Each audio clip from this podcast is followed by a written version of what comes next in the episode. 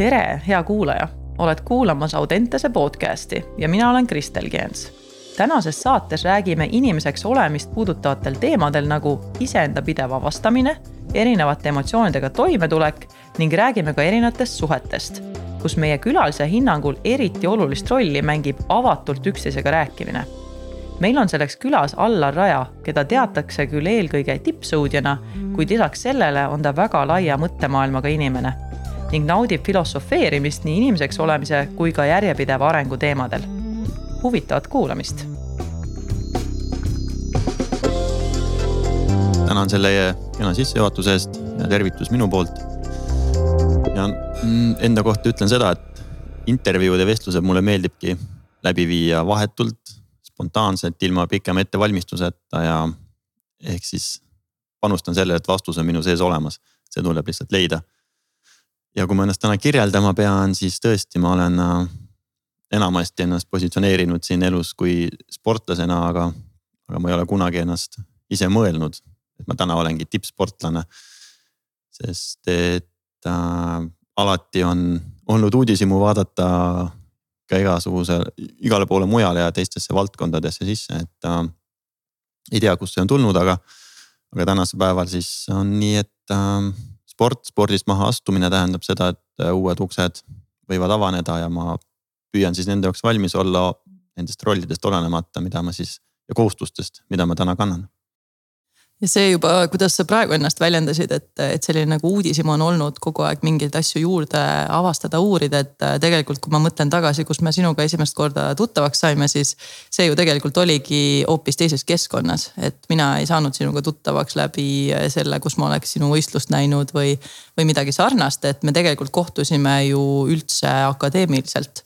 ja mina olin ju Tartu Ülikoolis kunagi äh, õppejõu rollis ma olin küll asendusena, aga seal tegelikult me esimest korda kokku saime, et kui me kerimegi aega võib-olla sinna tagasi. et sealt minule esimene mulje jäigi sinust väga uudishimuliku õppijana tegelikult, sest ma mäletan, ma olin ise ka lektorina alles esimest aastat siis ja, ja siis sul oli hästi palju selliseid küsimusi kogu aeg ja sa tahtsid palju teada ja. et mis sa arvad, kuskohast sul see tulnud on, see selline uudishimu teada? ma arvan, et äh, ega ma ei oska täpselt öelda, inimene, äh, inimesed sünnivad ja arenevad erinevat äh, teed pidi. aga mind kogu aeg on jah huvitanud inimene, inimesega kaasnev inimeses, inimesega toimuv mis tema sees toimub ja kuidas ta kuidagi käitub, et äh, võib-olla ei ole selles mõttes jah klassikaline noormees, et motosport, autod ja tehnika mind kunagi nii palju köitnud ei ole. et ma sinna võiksin pidama jääda või kui keegi mul küsib, mis masin on, ma ütlen, mul on Honda, palju kilovatte, ma ei tea, mis aastaarv või ma ei tea, sõidab hästi, on äh, mõnus masin, et. et ja see valdkond, kus me kohtusime, on ilmselgelt väga sügavuti inimesega seotud. Äh, sina siis äh, psühholoogiat andva lektorina siis jõudsid kindlasti katsuda neid ääremaid, mis, mis mulle huvi olid pakkunud ja, ja ma arvan, et see tugevam huvi, ma arvan, et minu, minu maailmas nii-öelda ütleme, see sõna, üldine sõna esoteerika ja mis, mis kõik sinna alla võiks minna, siis tekkiski kahekümnendate eluaastate lõpupoole, et kui ma olingi avastanud, et võiks ikkagi spordi kõrvalt kindlasti midagi veel teha peale seda, kui sisekaitse teema läbi oli, et läksin siis kehakultuuri õppima. Et enne kui me sealt edasi lähme, siis võib-olla kerime veel pisut tagasi, et kuna äh, meil Audenteses on väga palju ka selliseid noori õppusportlaseid. kes on teinud siis äh, kahest karjääri ja õppinud ja teinud sporti samal ajal, et sul endal on ka sarnased kogemused, et. kas selles äh, vanuses oli ka sinu jaoks uudishimu juba ja selline tahe teada hästi tähtsal kohal? või tuli see alles siis kuskil kahekümnendates, et oli see sul juba noorena või? no bioloogia vastu jah, võib-olla mitte nii oma teadlikkusest, teadlikkuse tasemel ma ei olnud nagu kõige uudishimulikum. Äh, et õppimise vajaduse järgi, aga noh, gümnaasiumis ma bioloogia, keemia eriklassi valisin. mis nagu näitab mingisugust soovi sinnapoole kalduda ja, ja see, kuidas inimesed äh, reageerivad erinevates olukordades, see, see mulle kogu aeg nii-öelda huvi pakkunud. aga ma arvan, et see põhiline huvi ja avanemine et nagu reaalselt äh, lugeda juurde suhelda inimestega, see tekkis ikkagi äh,, tekkis ikkagi jah kahekümnendate eluaastate keskel, kus ma siis hakkasin sedasorti kirjandust lugema ja ma minu ja kui ma midagi loen ja süvenen, siis äh, olgu see või hea reklaam või lühikene tekst, siis ma tihti lähen, lähen sinna nii sügavale sisse, et see väga tihti minu ajukeemiat võib justkui nagu mõjutada. see on väga põnev, kui me siit lähme nüüd natukene edasi, siis äh, milline näiteks, kui sa mäletad ja see ei ole, pea isegi olema võib-olla konkreetne teos, aga, aga millise suunaga raamatud või kui sa mäletad konkreetset teost, et mis oli esimene, kus sa lugesid ja sa tundsid, et oo, et vot sinna ma tahaks nüüd rohkem edasi minna. et see on tegelikult väga huvitav teema, sest tänapäeval on ju väga palju minnakse eemale raamatutest ja lugemisest, et äh, mis tegelikult võibki maailmapilti nii palju arendada ja avardada. et mis sinu sellised esimesed kogemused raamatutega olid, kui sul tekkis see huvi neid lugeda? No päris konkreetselt mäletan Horvaatia laagris. ma vanust ei mäleta, aga ikkagi ja oli esimene selline paks ja tummine raamat, keegi soovitas, et äh, nimega emotsionaalne intelligentsus. ta oli tegelikult tänaseks päevaks noh, omamoodi legendaarne raamat, mida paljud on lugenud ja see raamat oli küll nii, et lugesid peatüki ja, ja lugesid seda uuesti ja ikkagi nägid, elasid seda päeval ja öösel läbi, et, äh, et siis mul tekkis huvi ja siis hakkas neid raamatuid mingi hetk ridurada pidi tulema kuni Oshoni ja kõikvõimalike avastusteni välja, et. et ma arvan, et see vanus oligi mul kakskümmend viis, kakskümmend kuus. ja tõenäoliselt ma sain ise siis valmiks või piisavalt küpseks, et äh, sedasorti raamatut äh, lugeda uudishimuga ja, ja, ja minu. minu lugemistempo on tavaliselt aeglane see tähendab seda, et kui ma midagi ikka lõpuks läbi loen, siis ma olen seda väga süviti ka läbi elanud ja sealt midagi kaasa võtnud, et äh, ma, ma ei, ma ei tea, kas ma nüüd ühest küljest ma imetlen neid, kes suudavad kõrge tempoga lugeda palju kirjandust, teisest küljest, kui ma pärast küsin, kuidas raamat tuli, siis on äh, väga liiga lühike hinnang raamatule, et, äh, et, et mind veenda selle lugemiseks. ja eks seal on vist äh, ja seesama raamat, mis sa kirjeldad, see on tegelikult Daniel Goldmani raamat ja see on tõesti üks väga hea teos mida ma soovitaks absoluutselt kõigil lugeda, et see emotsionaalne intelligentsus on tegelikult väga oluline intelligentsuse osa aga me oleme ikkagi harjunud pigem rääkima sellest äh, nii-öelda raamatu intelligentsusest, et meil on äh, teadmised, meil on need inte- in,, IQ testid. meil on sellised asjad, millega me mõistame seda nii-öelda intelligentsust, aga emotsionaalne intelligentsus, eriti tänapäeva pidevalt muutuvas ja koostööd tegevas maailmas on minu arust ülimalt oluline aspekt.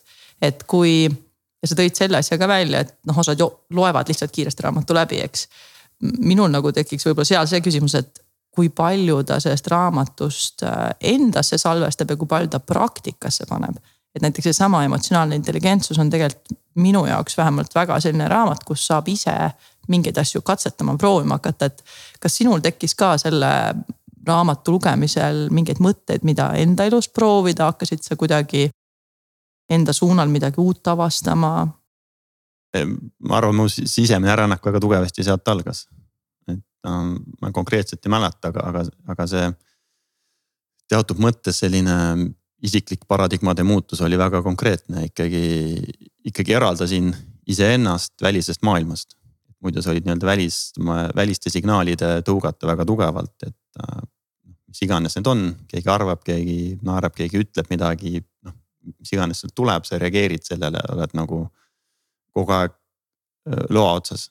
et sealtmaalt hakkas selline vastupidine energia liigutamine seest välja, et mida, mida mina ise kogen, mida mina ise siis äh, antud olukorras käitun, et, et. et ma, ma olen väga kuulekas poiss olnud noores peas kogu aeg ja alati on öeldud, et ikkagi vanemaid tuleb kuulata ja siis on suu kinni, kui nemad räägivad, et äh,. et äh,, et selle murdmine minu jaoks, ma arvan, hakkas sealt, et ma võin ka iseennast kuulata, ise oma arvamust äh, genereerida ja. ja eks seda noh, siit üleüldiselt, kui me mõtleme, mida me siis iga päev, kuidas meie minapilt tekib. ongi ju see, et mida me loeme ja parem oleks, et see lugemise sisu on kvaliteetne.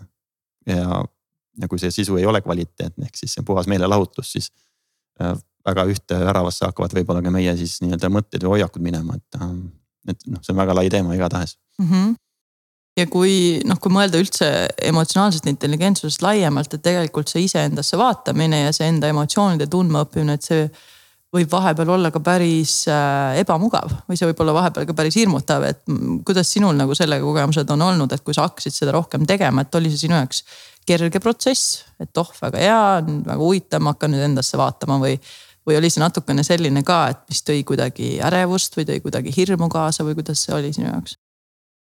Mm, ja ma ikkagi mingisugust järgmist äh, väikest peenikest raamatut, mille nimi oli vist Jungi sissejuhatus psühholoogiasse. Kus kirjeldas kõiki siis arheotüüpe ja inimese nii-öelda pahepooled ja, ja, ja varjud, et see, see raamat ikkagi, ma arvan, ma ikka olin kuu aega täiesti äh, täiesti nagu mingisugune lahti võetud pusletükk, kes hakkas ennast uuesti kokku panema, et ma, ma üldiselt saangi aru, ma olen väga tundlik äh, selli-, igasugusele infole, kui ma sellele, kui ma sinna süvenen. näiteks õudusfilme vaatama minna, ma, ma reaalselt elan seda nii sügavalt läbi, et ma ei suuda tulla sellest olukorrast välja, et see nüüd. et see nüüd on, et see on film, noh, kuigi see on täielik lavastus. et noh, ja raamatuga on täpselt sama, et, et kui see on et ega neid ei maksa kergekäeliselt võtta tegelikult, kui sa seda hakkad süvenema. ja, ja ma arvan, et ma ise tänase päevani, kui ma ikkagi ühe tugeva emotsionaalse raamatu kätte võtan ja loen seda, näiteks Educated oli üks asi, mis ma viimati lugesin või siis. kus laulavad äh, langustid on samamoodi, kui on selline inimese tunnetega tugevalt mängivad raamatud, siis see millegipärast äh, millegipärast mind päris palju mõjutab lõpuni välja ja see väga-väga kirkad ja põnevad unenäod tulevad sellest, aga, aga ütleme, et hirmu ma otseselt ei ole tundnud, aga selline positiivne, positiivne hirm võib-olla siis ja põnevus, et.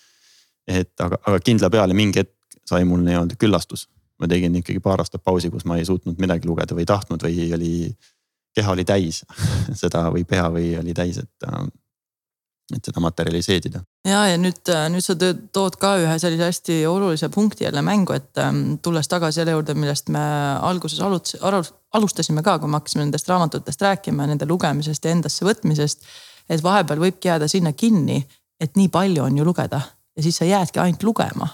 Ja siis sa iga kord küll võib-olla emotsionaalselt midagi koged, aga sa otseselt midagi ei tee. sa ei anna endale nagu aega ähm, seda loetut seedida ja seda ka praktikasse panna või enda puhul analüüsida. kuna tänapäeval on nii palju ju materjali ja nii palju on, mida head kõike lugeda, häid raamatuid, kõiki asju, et mm, kui ma tulen uuesti selle juurde korraks tagasi, et kui sa näiteks võtad kasvõi selle esimese raamatu või kui sa hakkasid neid asju endasse rohkem võtma, huvi tundma, et. Kas sul on meeles näiteks mõned sellised asjad ka, et mis sa konkreetselt saad, saad öelda, et vot seda ma hakkasin tegema teisiti või kui ma selle asja nüüd endasse võtsin ja avastasin, et siis ma hakkasin seda käitumist näiteks jälgima või seda tegema teisiti, et oli sul siukseid hetki ka? ma arvan, et ma hakkasin äh, kindlasti tähele panema inimeste käitumisi ja ma hakkasin äh, leidma inimesi, kellega mul olid, olid samad teemad ja siis nii-öelda koos kellegi äh, antud inimesega, kellega ühtis nii-öelda see maailmavaade või siis nii-öelda selle või sama raamatut lugedes siis raamatu analüüsimine ja selle põhjal siis kasvõi treeninggrupis treeneri või mõne sportlase või mõne kõrvalise isiku analüüsimine läbi selle info oli, oli, oli ülipõnev äh, selline uurimustöö, et see, see ongi, ma arvan, see, mida nagu siis sina tänasel päeval oma doktoritööd tehes nagu ka näed, et sa, sa arened, sa õpid inimesi tundma, nende reageerimisi, reageerimispõhjusi, et. et ähm, aga see, kuhu, mida sina ka mainisid, et ise hakkaks igapäevaselt iseenda suhtes midagi muutma, et see nõuab tegelikult järjepidevat tööd reaalselt nagu trenni tegemist ja ülilihtne on nagu vanasse käitumismustrisse tagasi minna, et ma. ma, ah ma ei, ma ei, ma ei jõua või ma üks teine päev ikkagi võtan seda meetodit kasutusele või proovin, et ähm,. et see vajab nagu julgust, okei okay,, nüüd on see mingi kriisiolukord, nüüd see olukord, millega ma toime ei tule, et okei okay,, ma lugesin, ma mõtlesin seda olukorda läbi seda raamatu peatükki lugedes, et kuidas ma võiksin siin käituda või, või kuidas ma võiksin üks-ühele kellegagi suhelda. aga no siis on väga lihtne, et tuleb jänes püksi ja mõtled, et ma ikka ei tee täna. et see et, et neid ma olen üritanud äh, vaikselt tuua kasutusse, aga, ja, ja põhiline tänase päevani, mis tagasiside on, et ise astu kõigepealt kas üks või kaks sammu tagasi, kui on kriitiline olukord suhetes või kellegagi suheldes või sulle midagi väga häirib ja sa tahaksid kohe lajatada, siis astu kaks sammu tagasi. ja ise rahulikuks mõtle oma käiguteki läbi, mida sa tegelikult tahad saavutada, sest emotsionaalselt üksteise äraütlemiseks on, nagu läheb väga lihtsalt. ja, ja ja lihtsalt võib-olla vaja siin nagu suuremat pilti üritada endale mõelda, et, et ka teisel inimesel on mingisugune põhjus, miks ta käitub nii, et see sind ärritab. Ja nagu püüdes seda ära lahendada endapoolse mingisuguse kriitikaga, siis tegelikult sa teed ju asju hullemaks, et. ähm, selliseid momente ma kindlasti olen palju kaasa võtnud, et äh, pikas laagrites olles, kus sportlaste grupp äh, väsib, igalühel on isiklikud äh, asjad, mis teda häirivad, mida ta tahab muuta, ta tahaks minna mugavamasse tsooni, tahaks rohkem puhata. et, et inimesed küllastuvad teineteisest, et see, et seal olukorras jääksid sa ise ikkagi sinna heasse tsooni, et, et sa ise lood seda tsooni ka teistele, et kus on normaalne suhelda, kus sa saad normaalselt läbi, kus te saate. siis nii-öelda siis noh, kas eesmärgi poole liikuda või siis seda protsessi otseselt äh, rohkem nautida mm et siin nende suhete teemal tegelikult tahaks täitsa pikemalt rääkida sinuga edasi. aga kui korraks tulla ühe mõtte juurde tagasi, mis sa väljendasid, et äh, ja, ja seoses just sellega, et me loeme või õpime midagi enda kohta ja siis tuleb see, et aga ma homme teen. Ah, noh, okei okay,, mõni teine kord, et praegu, täna ma olen väsinud et ähm, palju jäädakse ka kinni sinna, et äh, oodatakse seda tahet. et mul peab justkui olema tahe asja teha. nüüd mõtleme loogiliselt, kui sa avastad enda kohta midagi uut, mida ma peaks endas muutma hakkama, siis kas üldse muutus saab olla kunagi mugav? Mitte kunagi, et mhm. muutused tegelikult on kogu aeg ebamugavad, ka need rõhksõnad, ka need, mis on positiivsed muutused, on ebamugavad igasugune muutus on ebamugav ja kui me mõtleme inimeste peale üldiselt, siis inimestele meeldib olla mugavas olekus. nii et kõik on hästi, neil on inimesed ümberringi, nad ise tunnevad ennast hästi. ja nüüd paneme siis need kaks asja kokku, et kui reaalne on siis see, et meil tuleb tahe õudselt teha nüüd neid ebamugavaid samme, ega ikka ei tule küll. et pigem on ikkagi see, et tulebki lihtsalt teha ja lihtsalt pannagi ennast tegema neid asju, mis tunduvadki ebamugavad, senikaua kuni sa tead, et see läheb õiges suunas üliõige point, jah, ega me ei tea, kas see läheb õiges suunas, aga ütleme nii, et kui sa midagi otsustad. ma teen seda, siis see annab sulle juba enesekindlust juurde, ma otsustasin ja siis sa saad alles teada, kas see otsus oli õige, siis sa saad otsust muuta, mis annab sulle jälle enesekindlust. kuule, aga ma muutsin jälle, pole küsimust, kuule, see ei läinud õigesti, õiges suunas see käitumine. ma muudan jälle midagi, et, et see on üliõige point ja kui tänasel päeval ka tunnen mõnes olukorras, sest äh, mille, tõrget sees või et, et, et ma ei taha ja väikene hirm on, siis mõtled, okei okay,.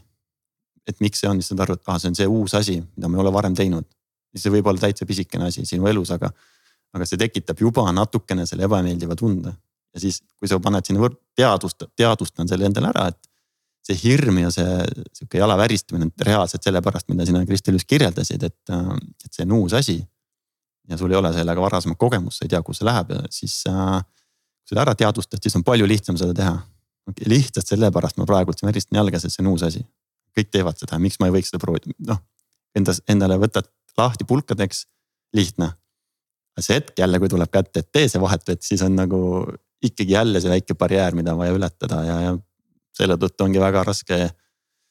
parem harjutada endale kohe väga produktiivsed ja head harjumused, kui siis lasta nendel halbadel süveneda ja sealt enam väljatulek on, nõuab juba meeletut ressurssi ja absoluutselt ja e, siin oleks jälle kindlasti huvitav kuulda, et kas sul endal on olnud mõni sihuke olukord, kus sa noh, mõtledki tagasi ja mäletadki, et see oligi see koht, kus tegelikult oli see endal äh, sees see tunne, mis on see ebamugav tunne ja sa oled ikkagi teinud.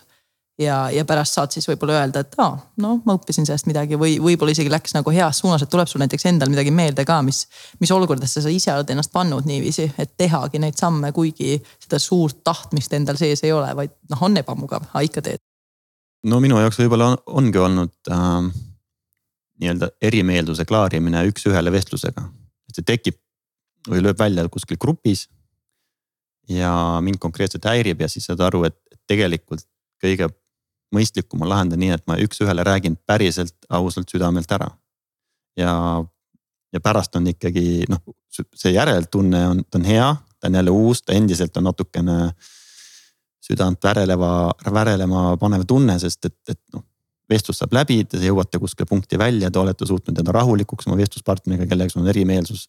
sa oled oma siis hirmud või, või mõtted välja öelnud, saad nendele vastused, noh, et juba selle võrra hakkab kergem, et, et neid, neid ma olen korduvalt teinud nii treeneri, treeningkaaslase kui ka muude inimestega, kasvõi tööalaselt. ja aga selle tegemine on ikkagi ebameeldiv või siis noh, klassikalised asjad, et sa oled midagi lubanud, aga sa mõtled ümber, sa ei taha. sa pead ära ütlema, et see äraütlemise kunst on olnud väga keeruline mulle ka, et. et äh, kui sa oled inimlik, mõtled, et kuidas see teine inimene sinuga võiks käituda, kui ta ei saa, siis mõtled, et helistab ja ütleb rahulikult, kuule, ma ei saa sellel põhjusel. ongi kõik klaar, keegi ei saa pahaks panna, aga, aga ise teha jällegi on ebameeldiv, et äh, ma arvan, nende barjääride ületamine on olnud äh, keeruline ja ma arvan, et see endiselt jääb natukene keeruliseks, kuigi kogemusi tuleb peale, et midagi hullu ei juhtu, siis aina rohkem ongi see, mis sa ütlesid, lihtsalt hakka peale. või helistada lihtsalt, vali number ära, pane helistama, pea on tühi, lihtsalt oota, võta vastu ja. nii, mis ma öelda tahtsin ja kuskilt hakka pihta ja, ja asjad ja jõuavad, asjad, asjad hakkavad muutuma, sest et sa paned nad muutuma. Tundub, et äh, sinul on vist need kogemused võrdlemisi hästi läinud, et kuna sinu ümber on olnud treenerid ja on olnud võistkonnakaaslased ja ma ei ole kuskilt, ma küll lugesin palju, mis mul õnnestus leida sinu kohta, siis äh, eeltööna, eeltööna selleks podcast'iks, aga äh, kui, kui sul on need siiamaani hästi läinud, mis on sind aidanud, et neid raskeid vestluseid läbi viia, sest et nagu sa ütlesid ka, et see ei ole lihtne. ja inimsuhted ei olegi väga lihtne asi, et see üks asi on see, et seda tuleb hoida, seda tuleb arendada, eks, aga ongi need konfliktsed olukorrad tegelikult on ka normaalsed asjad, me oleme inimesed, me oleme erinevad. et mis on sind aidanud neid raskeid vestlusi pidada? iseendaga pead ausaks jääma. ma arvan, et see, et sa ei pea mõtlema välja kõne ennem. sa lihtsalt vaatad enne sisse, mis ma päriselt tahan öelda. ja noh, ükskõik mingite sõna, mingid sõnad sa pead leidma ja siis sa need ütled välja, mida sa päriselt soovid ja. ja siis ta ei ole fake, ta on, ta on naturaalne. ja, ja mida vähem selle peale ennem mõelda, seda naturaalsem see välja tuleb ja seda usutavam see on, et. et see ongi mind aidanud, et, et ma noh, tavaliselt ma kellegagi ennem konsulteerin läbi. mõne, mõne sõbraga näiteks, et äh, räägin oma mure ära. ütlen, no mine räägi siis. ja siis äh,, mis ma siis ütlen, ütlengi, no ütlegi seda, mis sa tahad öelda. ta ei ütle mulle, mis ma ütlema pean, vaid ütleb, mida sa tahad öelda, siis seda ütlegi. ja ja, ja, ja mitte midagi halba ei saa mitte kunagi juhtuda, et äh,. võib-olla jõuad mõnikord juba sõbrale rääkides oma murest, saad aru, et okei okay,, mure tegelikult on hoopis minul, minus endas. et see inimene mind häirib, aga see tegelikult tema käitumine on täiesti tavaline ja minus endas on mingisugune vana konflikt, mida ma ei ole suutnud enda jaoks ära lahendada või mida see esile toob, et siis on äh,. siis tuleb see hea nõuanne, et äh, kui see olukord sinu sees esile kerkib, ebameeldiv tunne kellega koos suheldes kes öeldakse, et ai, see ei ole ikka minu veregrupp ja ta ajab mul kohe juuksed turri, siis tegelikult see, kuidas sa reageerid, on, on sinu enda otsustada. sa pead ära tabama selle momendi, mis, mida üks hea inimene kunagi õpetas, et, et see on üks, üks hea relv, et et äh, ükskõik, mis, äh, mis esile kerkib sees, siis võta korraks aega ja mõtle, et sina otsustad hetkel selle käitumise. see on ülihea relv, see on nagu terve maailma rahu tuleb sinu peale, et ma võin olla vait, ma võin naerda, ma võin karjuda, ma võin, ma valin kõik oma vahendid, kuidas ma vastan. Lähen minema lihtsalt, hakkan argumenteerima, lepin mingi aja jutu ajamiseks. see on nii palju võimalusi ja sinu sisemine rahu on paigas, sest sa kontrollid seda, et kuidas sa, kuidas sa vastad või ei vasta, et see on, ei, mitte vastamine on samuti ju vastus jaa, aga see on ju nii ebamugav, mis mõttes ma vaatan, et asi on minus, mis asja, sellist asja ei ole olemas, ei ole asi minus, asi on ikka teises inimeses ju, tema see on probleem. et see on tavaliselt see, millest me lähtume, on ju. et äh, noh, jälle jube ebamugav on nagu endale tunnistadagi, et kuule, et tegelikult ta teeb ju jumalast normaalselt käitub, et lihtsalt minul endal on mingisugune asi. ja üks hästi huvitav asi on ka see, et äh, tihtipeale meid häirib teiste käitumistes need asjad, mis meil endal on sellised, mis meile enda puhul ei meeldi kusjuures see on päris huvitav, ma olen ise ka jälginud seda ja, ja see tõesti on, et kui ma näen näiteks kelleski teises mingit asja, mis on asi, millega ma ise olen tegelenud või mida ma ise proovin endas muuta või mis ma tean, et minul ei ole kasulik asi, on ju, et ma tahan sellega tegeleda. ja ma näen seda kelleski teises, ma tajun kohe seda nagu sihukest väikest häirivust, kui ma sihukest asja näen ja tahaks justkui öelda midagi. aga see on õige point, et, et just see, et võttagi see hetk, et saada aru, mis sus endas toimub ja siis otsustada, et mis ma nüüd teen et see on ähm, jah, see on tõesti väga tugev asi, et äh, hea, et sa oled saanud seda kasutada ka. seda ma olen saanud väga hästi kasutada. et no sport on teatud mõttes ka ju nagu äri ajamine. sa leiad enda hea äripartneri, kellega sul tuleb näiteks sport või see äri koos välja, siis äh, olenemata isikuomadustest. sa pead suutma seda nagu pikaajaliselt võib-olla koos teha, et siis, siis on hea, kui sul on nagu mingid vahendid, kuidas iseennast kontrollida ja see lause, mis on klassikaline, et saa sellest üle või ole sellest tüübist üle, siis. sa ei saa olla inimesest üle. selles mõttes, sa ei saa panna vaka alla oma emotsioone või tunded, mis sul esile kerkivad. sa saad neid lihtsalt ära tunda ja siis ise reageerida, kuidas sa käitud nende peale, aga. aga see, et kuule, ole üle, ta ongi selline. Noh, üks asi on see, et kui ta on tõesti kogu aeg jobu ja nõme, siis ikkagi see ei ole asi, millega sa pead leppima, kas sa siis võtad ette selle inimesega midagi, sa klaarid ära või siis ise astud tagasi või siis mõtled, et okei okay,, see hüve, mis me tahame koos saavutada, on suurem. kui see isikuomadus, mis minuga üldse ei klapi, et, et kellestki ei pea üle olema, sellega peab lihtsalt toime tulema mm. -hmm. ja see jälle see teadlikkus siinjuures on ju, et me saamegi aru, et mul see emotsioon tuli ja see tekkis ja see on okei okay et äh, tundubki, et kui keegi ütleb, et saa sellest nüüd üle, et mida sa põed või, või mm -hmm. mida sa närvitsed, siis tekibki see kohe see tunne, et oota, mis mõttes mul on emotsioon, et kuidas mul siis seda nagu olla ei tohi nüüd äkki, eks. et, et see on tegelikult päris, päris äge, kuidas seda sõnastasid ka just, et, et noh, ta tuleb ju niikuinii, et. et see ongi, võib-olla sa ei sõnastanud seda, aga ma lugesin selle niiviisi välja. et, et see tuleb, aga oluline on see, kuidas sa reageerid sellele tundele, eks kuidas, äh, kuidas see sind veel aidanud on, seesama asi, et, et olla teadlikum enda tunnetest? ja otsustada siis, kuidas ma käitun? Äh, no spordis on ikkagi otseselt väga tihti tulemus sõltub ka sinu enesekindlusest ja äh, eneseusust. sinu eneseusk mingil põhjusel on tihti võib-olla see on ka see kasvatuse stiil, et ah, mis sina, väike külapoiss, mis sinul siin nii palju tahtu ei unistada või see on ikkagi teiste meeste pärusmaa, et kuskilt on tulnud natuke sisse selline ebakindel, ebakindlus iseenda võimetes. ja mingi hetk ma olen nagu hakanud aru saama, et kui ma olen väsinud, ma kohe välja ei tule, siis mul enesekindlus hakkab alla minema või eneseusk, et. et siis ma olen suutnud sinna väga tihti panna võrdusmärgi, et okei okay,, ma olen praegu väsinud. et, et, et, et, et mis põhjusel ma olen väsinud, konsulteeri korraks nagu vaata, noh, tõmba see pilt laiali. ja ja see olukord on mind äh,, selle vahendi kasutamine, et kus ma siis üritan nagu põhjusi leida. see on mind, mind päris palju aidanud ja. ja te, teisest küljest on nii, et, et ma arvan, kõik teavad seda tunnet, et no midagi häirib täna. või, või, lihtsalt tunned, et äh, täna siia Tallinnasse sõitsin, tundsin midagi nagu, midagi lihtsalt nagu nii hullult ruineerib hommikust peale ja siis ma nagu mõtled, et mis olla saab, okei okay,, ma sõidan Tallinnasse sinna kohtumisele, ei see ei häiri. see, võtad järgmise punkti, see ei häiri. see, see punkt ei häiri. aa, see okei okay,, nüüd ma saan aru, see on see eilne kiri, mille ma pidin ära saatma, aga ma unustasin selle panna send, sest ma tahtsin sinna mingit infot lisada ja lihtsalt aeg tuleb peale, kiri jäi saatmata ja lihtsalt see üks asi.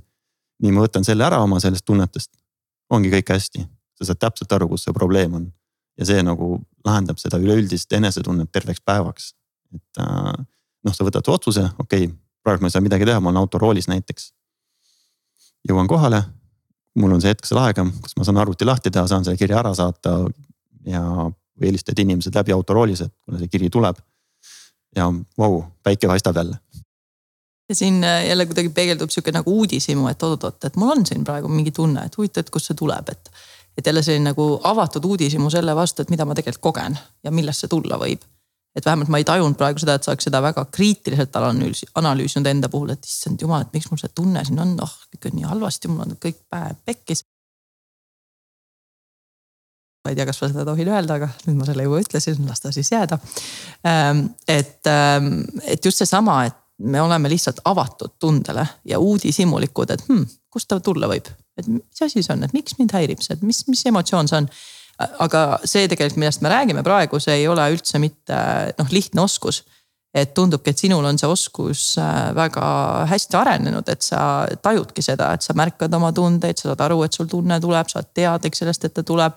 Äh, oskad sa öelda ka, et kuskohast sul ähm, mm, hakkas selline oskus äh, rohkem arenema? oli see juba noorena selline, et sa lihtsalt tajusid oma tundeid paremini või tuli see mingitest kindlatest perioodidest, tegevustest? Äh, no ma mäletan ühte momenti, ma üsna varakult pidin üksi elama jääma, et kuna äh, noh, nagu ikka meie generatsiooni papsidel meeldis ikkagi võib-olla liiga tihti pudelisse vaadata ja kogu aeg olemas olnud ja elu viis ka nii sinnamaale, et. et ema pidi siis äh, sõitma Ameerikasse elatist teenima, et, et mingi hetk, kui ta ikka pikemalt ära oli, ma suutsin korra ikkagi ahastusse sattuda sellest ja siis ma mäletan lõpuks ma tegin nagu mingisuguse ratsionaalse järelduse, et et äh, suht noore poisina, ma olin mingi üheksanda või kümnenda klassi poiss ja siis, et okei okay,, teda ei ole.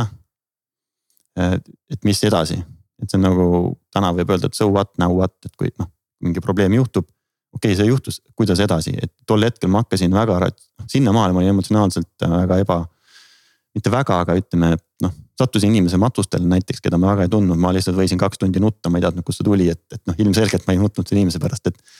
Et mingi asi sees nagu emotsionaalselt kogu aeg käis üle, ma ei osanud ära tunda seda põhjust.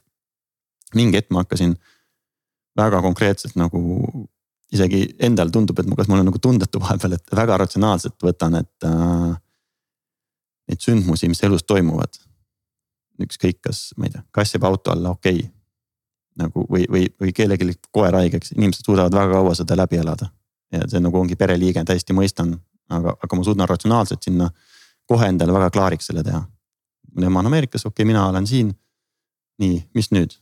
ja, ja kuidagi mingi hetk sellest ajast peale ma mäletan, et on, äh, on selline põhjuse ja tagajärje sihuke suhe nagu on nagu paika läinud mingil põhjusel, et, et kas see on asi, mille pärast ma peaksin nüüd siis hullult äh, pead murdma või ma saan väga kiiresti, väga kiiresti jõuan mingite asjade puhul nagu lahenduseni või keegi teine käitub halvasti, väga kiiresti jõuan.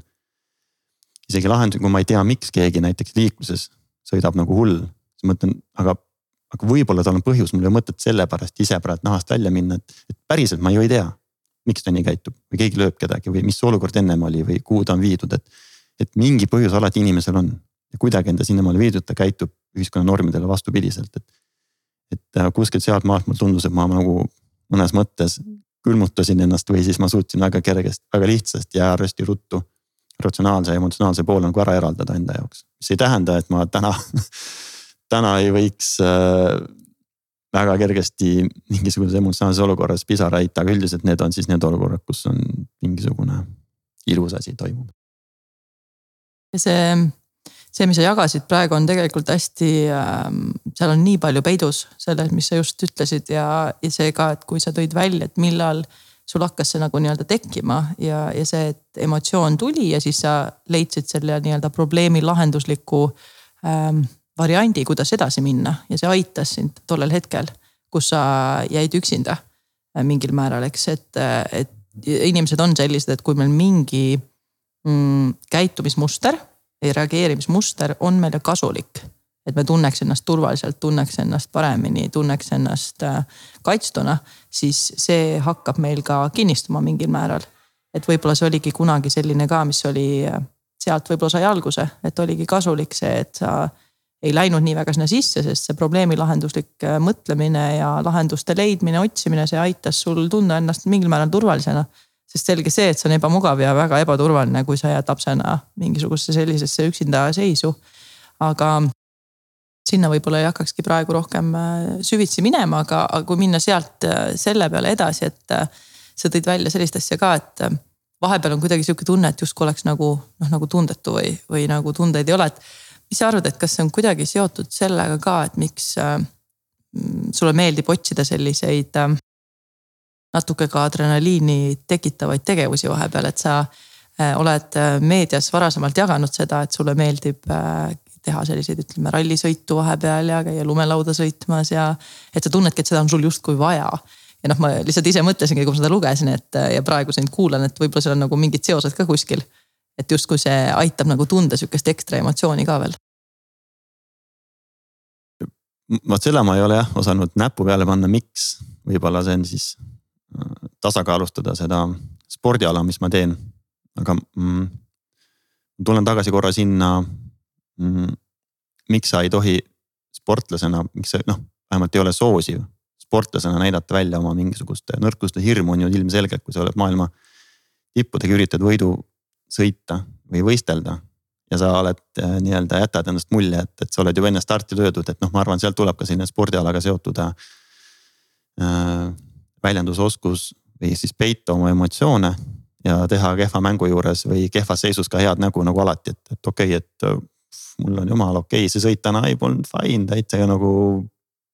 tegelikult ise oli teada, et sul nagu ülihapu seis nagu üks millisekund veel ja mina murdun, et. Äh, et, et ma arvan, et see on ka, mis käib spordiga kaasas nii-öelda emotsioonide peitmine. et sa ei anna, sa ei reeda ennast, see on loomariigist, et sa ei saa reeta oma nõrkust aga, aga see adrenaliini otsimise moment on, on tõesti ja tunnen, et see on hädavajalik. mul lihtsalt rämedalt on vaja vahepeal saada emotsiooni, väga hästi on nagu lihtsamad alad, mis ei paku nii palju ekstreemi kui. ma ei tea, üritada kuskil motikaga sõita või kuskil autoga. või, või lumelauaga, aga, aga no alati mul mõistus koju jäänud, kui ma neid asju teen, et ma tunnen, et mul, ma ei ole sihuke hull, kes pea ees hüppesse läheb, aga. aga ütlen, piisab ka headest pallimängudest, kus on emotsiooni rohkem kui tarvis. ja, ja, ja, ja kui vastane samamoodi emotsionaalne, heas mõttes emotsionaalne, mitte, mitte vihane, siis see ütleme poolteist tundi kaob väga kiirelt näiteks oma poistega jalgpalli tagudes, et see on sellise, sellised momendid toidavad minu energiat kuidagi mm.. et tundub, et emotsioonid igal juhul on sinu elus nagu väga olulisel kohal olnud ja on endiselt. on kindlasti jah. et kui mm, läheksid korraks veel tagasi, et sa ütlesid selle hea, et sa sinna meid tagasi viisid. et kuidas sport tegelikult ja spordimaailm mõjutab seda ka, et peaks justkui oma tundeid alla suruma. Et sellel on üks väga-väga suur miinuskoht, mis sa arvad, mis see on või oled sa ise kogenud seda? ma pigem küsikski nii et kuidas sind on see mõjutanud, et äh, kogu aeg on see, peab emotsioone alla suruma? ma ei ole tundnud, et see mind mõjutab. Äh, ma ei ole tundnud, et see mind selles mõttes mõjutab või et, et ma, ma tunnen, et ma ei ole seda teadlikult nüüd äh,, nüüd mul ei ole õpetatud seda kunagi, aga ma arvan, et see on see, mis sellega kaasneb, et et sa hindad alateadlikult teist tema käitumusliku olemuse järgi ja teisalt siis äh, mingisugune loomariigis kaasa tulnud moment, kus sa ikkagi autost astud välja, siis on okei okay,, läheb, läheb mäng läheb peale ja nüüd on nagu ilgelt selliseid tough guy'd, kõik on koos ja tõelised ässad oma arust, kuigi kõigil on jänese süda tuksub põues, et. Aga sa võid mind valgustada, siis ma äkki oskan omalt poolt tunnetada seda siin on võib-olla noh, kaks erinevust ka, et üks asi on see, et meil emotsioon tuleb ja me kogeme seda ja ma käitun lihtsalt kindlalt, noh, ütleme, ongi see, et mul on ärevus sees, on ju, aga mu käitumine on enesekindel. Sellel ei ole otseselt midagi väga viga, see on isegi väga hea, kui seda oskust saab arendada sellist. aga oluliselt ressursikulukam ja ka pikas plaanis vägagi destruktiivne vaimse tervise mõttes on see, kui me surume reaalselt tundeid alla, et ma iseendale ka eitan neid et justkui, kui tuleb ärevus näiteks sisse või hirm tuleb sisse, et siis ma nii-öelda pressingi seda enda sees ka alla. et mul ei tohiks seda olla, et, et see on kuidagi vale, et mul ärevus sees on. ja see on nüüd see, mida pahatihti spordimaailm väga palju justkui rõhutab ja jällegi nende väliste näidete läbi, eks et need nii-öelda tipud on ju sellised, kellel ei ole, neil ei ole mingit ärevust, neil ei ole mingit mm -hmm. hirmu, nad on kogu aeg kõnnivad niimoodi ringi nagu oleks, ma ei tea, teen ükskõik mida ja midagi sees ei liigu, aga tegelikult seesama asi saadabki seda sõnumit, et emotsioonidega justkui noh, nendega ei ole teemat. et see ei, see ei ole asi, millega sa peaksid tegelema või avastama või mis asja, mis emotsioonide avastamine, mis asi see on et kas sa mhm. sihukest asja oled ka kogenud oma nagu spordikogemustes või ümberringi näinud või et kuidas nagu teie spordimaailmas see suhtumine emotsioonidesse ja tegelikult ka emotsionaalsesse intelligentsusesse äh, on üldse, on see avatud, on see kinnine? mulle tundub, et äh, naistega, naiste treenimine naiste spordis on äh,, on need murdumised kergemini tulema. Et naised tõenäoliselt on natuke emotsionaalsemad ja haavatavamad selle koha pealt ja, ja ei suru neid ka nii palju alla või ei ole harjunud alla suruma, vaid ka neid läbi elama ja siis ja siis sellisel tasemel treenereid tänasel päeval on ikka väga vähe näpuotsaga, kes suudavad sellises olukorras säilitada rahu. nii-öelda ongi nii-öelda, et sa oledki see mägi ja see, see fuuria käib sul ümber, et, et noh, nagu mehe-naise suhtes, samamoodi siis ka treeneri ja, ja õpilase suhtes, et, et kui naisõpilasel on ükskõik siis mees või naistreener, kes, kes on emotsionaalselt samamoodi ebakindel. noh, siis on sportlase tulemuses väga kiiresti kajastav, et ta murdub olulise koha peal, ta tema pisarad puhkavad välja seal, kus sa nagu ei oska neid oodata, et mis noh, kust see nüüd tuli, et, et seda ma olen ka külje pealt päris palju näinud. aga, aga enda puhul ja meestespordi puhul no, suutmine ei ole võib-olla nii. Küll on jah, külje pealt ütle, on öeldud küll, et väga maskuliinne ala, et seal sellist äh, üliõpilasspordi tasemel ka ei ole väga fun, et seal ikkagi on, on, kõik käivad justkui tulimise tegijatena asju ajama, et.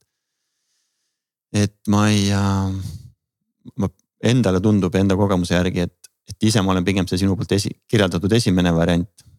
et, et ma suudan need emotsionaalsed olukorda ära lahendada enne, et kui ma pean neid jõuga hakkama alla suruma, aga ma kindlasti tunnetan sportlasi enda ümber, kes, kes on surunud alla neid asju, mida nad võib-olla ei peaks suruma. ja siis see, see tunne ja sa saad, saad sellest olukorrast aru, kui midagi nüüd ei klapi. lihtsalt, lihtsalt on mingisugune neli meest on paadis ja nagu väga sihuke õhkkond on paadis, et lõika noaga, et, et, et reaalselt ühel või kahel mehel on ikka nagu midagi väga pekkis ja siis sul läheb nädal aega mööda ja siis ta avaneb. siis saad aru, et okei okay, ma, see, see tunne ei petnud mind, see kõhutunne nagu kuidagi ei petnud, ma ei tea, mis signaale me siis loeme välja. keha hoiak, käitumine, kõik muud asjad, aga. aga see on, see on tunnetatav ikka üli, ülikergesti, kus antud juhul siis sportlane on surunud alla ja, ei ole avanenud ja ei ole rääkinud, mis teda häirib väga tugevalt ja see tegelikult ongi selline noh, hästi selline pikaajaline mõju võib seal isegi olla, sõltuvalt muidugi inimesest, aga just seesama, mis sa kirjeldad, et kui kogu aeg alla suruda ja sul ei olegi kellegagi sellest rääkida ka et sa ise ei oska sellega midagi teha emotsioonidega, sul ei ole kellegagi sellest rääkida, et siis see tegelikult hoiab kogu aeg sellist meeletut pinget. ja muidugi sa suudad sealt mingi aja nii-öelda äh, kuidas siis öelda, läbi pressida ennast, aga see ongi lühiajaline ja samas, mis see kvaliteet sul mujal siis elus on, et äh, see on jällegi küsim-, küsimärgi all, et. aga kui minna korraks äh, siit tagasi, et ähm, millalgi me, ma panin iseendale selle väikse meeles pea, et me tuleme suhete juurde tagasi Äh, ja kuna sina oledki olnud ju väga palju erinevates paatkondades ja sa oled ka erinevates paatkondades saanud äh, medaleid, et sul on olnud äh, erinevaid kogemusi erinevate inimestega koos, et. mis sina arvad, mis on sellise hea suhte loomise võib-olla kõige olulisemad asjad, et kuidas sellist head suhet luua? mina ütleks kindla peale läbipaistvus. et ähm, kui ma nüüd mõtlen oma viimaste aastate karjääri peale, viimased viis aastat, siis kaks tuhat kuusteist olümpial oli medal, kaks tuhat seitseteist MM-il oli medal, kaks tuhat kaheksateist, üheksateist oli täiesti tühi aasta, elu kõige kehvemad aastad karjääris, täiesti nagu konkurentsitult. ja kaks tuhat kakskümmend me olime tagasi pildil, ega see ei tähenda, et me füüsiliselt oleksime ära kadunud, lihtsalt see harmoonia kadus ära, see läbipaistvus kadus ära, usaldus kadus ära, et. et tundub naljakas, et mis te spordis seal siis äh,, oled kõva vend, siis paned, on ju aga tegelikult ei pane ja ei panegi ja seesama, mis sa ütlesid, et pikaajaliselt see ei toimi, sa võid lühiajaliselt olla nagu iseenda sees erroris meeskonna liikmete vahel on sihuke ebausaldus, ei ole läbipaistvust, ei ole asjad selgeks räägitud või. või, või ei ole juhitud seda nii piisavalt läbipaistvalt, et kõigil on teineteise suhtes. tunne, et ma võin nende meestega sõtta minna, et kui, kui selle suudad nagu ära muuta, siis see on see näide, kus me tegelikult suutsime suutsime tulla ikkagi päris tagantotsast üsna etteotsa olümpiafinaali, see oli ja. ma mäletan tol hetkel, kui see eesmärk pandi, mulle tundus, et see ei ole enam reaalne. lihtsalt tundus, et, et me oleme, kas me oleme liiga vanad, me oleme liiga palju seda asja teinud, meil, ma ei näe neid käike, me, me oleme teinud kõik need aastad trenni samamoodi. ja lihtsalt me oleme kuskil B-finaali viimased. ja siis kaks aastat hiljem sa sõidad olümpiafinaali, mis tundus nagu täiesti noh, teise planeedi tegevus, et aga sisuliselt olid ju samad mehed ja sama võimekus, kui me vaatame füüsilisi teste, et siis äh, lihtsalt see. see läbipaistvus ja see, mis, mis usalduse see tekitab. see, see on meeletu harmoonia erinevus ja ma arvan, meeskonnamängus on see väga suure kaaluga, kuidas noh, pallimängudes on ju. nii need imed, nii-öelda imed juhtuvadki, kuidas tugevaid äh, suudetakse alistada väikse võistkonna poolt, kellel on äh, Islandi jalgpallimeeskond, ma arvan, on nagu üks väga hea näide ühel EM-il ja, ja tunned sa, et äh, siin ongi kõige olulisem just see, et omavahel räägitakse palju, kui tulevad mingid häirivused või mis on see läbipaistvus, kui sa sellega natuke spetsiifilisemaks lähed? jah, põhimõtteliselt ei lasta sellel äh, elevandil väga suureks kasvada. sa tajud ära, et õhk on paks, midagi häirib ja sul on, äh, no meil oli meeskonnas selline noor sant nagu Jüri Mikudam, kes oli äh, reaalainete inimene. ja tal nagu selles mõttes nagu Äh, äh, empaatilises mõttes ta ei, tal ei olnud nagu seda ühtegi punast joont või et äh, barjääri. et, et väga süüdimatu küsis, et kohe, et mis äh,, mis kärbes sind on hammustanud või et noh, kuule, et midagi on nagu valesti, et äh, kohe tõi nagu teemad lauale. siis kõigi jaoks on nii, et, et tulekski tuua kohe nagu lauale, et, et kohe kui häirib kohe hakata, enne kui see nagu koguneb ja siis on ju veel keerulisem seda, et, et noh. nüüd siis räägid, miks sa siis ammu ei öelnud, et sind kolm nädalat tagasi häiris, et ma too trenn puudusin või telefoniga chat isin jõusaali ajal, et. et siis inimene kannabki nii kaua enda sees seda, et noh, ja seal treeneri roll on see nagu ülioluline, et ta peab. noh, kui ta alati suudab tajuda, siis ta peab olema nagu hästi avatud inimeste inimene. ükskõik, mis jutuga lähed, ta reaalselt süveneb ja see süvenemine on, on meeletu tähtsusega et kui sa üksteist räägite, see teine pool süveneb, sa tunnetad see nii hästi ära ja, ja, ja see nii-öelda uus peatreener oli, oli väga inimeste inimene selles mõttes, kes süvenes konkreetselt, kui sa ütlesid, kuule midagi häirib, siis ta võttis selle ette, süvenes, ta püüdis otsis lahendusi, ütles, mis, mis räägin. ja, ja juba see ärarääkimine tegelikult tõmbas platsi nii palju puhtamaks, et ähm, ja mõtle, milline jõud tegelikult lihtsalt sellele, et võtta aega, et inimestega päriselt ka rääkida. Mitte lihtsalt niimoodi, et ma nüüd okei okay,, ma tean, ma peaksin küsima, kuidas tal läheb ja ma teen selle ära nii-öelda. vaid see, et sa reaalselt võtadki aega süveneda, kuulata ja proovidagi koos leida lahendust. ja ometi on meil nii palju veel selliseid asju, et see on nüüd. miks me nüüd sihukese asja peaks, asja jaoks peaks ka veel aega võtma? et siis me trenni ei saagi ju teha et oota, kui me nüüd siin rääkimiseks aega võtame, et kus me siis trenni teeme. ja noh, ma olen kuulnud selliseid kommentaare, et siis ma nagu mõtlengi, et see käib risti vastu selle, mis sa praegu jagad ja te olite ju ometigi ka veel tippvõistkond. et noh, mida veel vahepeal, kui ikka tuleb kuskil juttu ja siis kiputakse võib-olla tooma välja, et no jaa, okei okay,, lastega me saame aru aga noh, kui me räägime tipptasemel, siis seal ikka nagu siis ma just mõtlen, mis see erinevus on, et see on inimesed ju, et. no tegelikult ju kõik on suured egod sa paned neli meest kokku, igalühel on ego, oma arvamus ja kõik on nii-öelda tulemustega sportlased ja kõigil on nagu täiesti oma agendad, oma lähenemised ja tunded ja mingi hetk ma tundsin ka, et see aasta hooaja keskel oli nii, et kõik tahtsid kõike kõige paremat kogu aeg. ja siis kõik õpetasid kõiki treeningu jooksul, siis ma tundsin, et mul, mul ei ole isegi ruumi enam rääkimata sellest, et siia sõnake vahele öelda, vaid lihtsalt isegi nagu. et noh, ma saan aru, kõik tahtsid parimat ja siis saab mingi hetk, ma pidin ütlema, et okei okay, ma pean korraks seda asja nagu endast välja saama. ja lihtsalt rääkima ära, et nagu teeme mingi, meil on, meil on ikkagi lõpuks on treener ja, ja no see lõpuks läheks selles mõttes spetsiifiliseks, et, et teeme siis nii, et, et võtame mingi konkreetsed suunad, et äh, noh, ma ei tea, kas tõmba algus, tõmba lõpp, äh, noh, mis iganes nüansi juurde läks, igaüks, igaüks oskas meile tark öelda, kuule sa proovi nii, aga proovi naa. mul need nagu, see kogunes nii palju, ma tundsin, selle pingega ma ei tulnud enam toime lihtsalt see, mis paadi seest nagu esile kerkis. ja, ja selles mõttes oli see vestlus ära. ja mulle tundus, et äh, noh, tundus nüüd sada protsenti läkski asi jälle tagasi nagu õigesse, õigesse rad, rad, õige raja peale, et. Äh, et see peaks nii-öelda olema integreeritud siin treeningprotsessi, selle jaoks ei pea tegelikult võtma nii, et, et saame nüüd kell kuus kokku õhtul ja hakkame siis rääkima, kes mida häirib, vaid et äh, treeningu analüüs, nii et keegi ei jookse, et kuule, ma panen kohe minema ja mul on kiire sinna, et, et kuule, et sa saad nagu aega avaneda ja sa saad aega siis ka ära rääkida ja siis, siis püüda ja kõik saavad nii-öelda ikkagi sõna ka.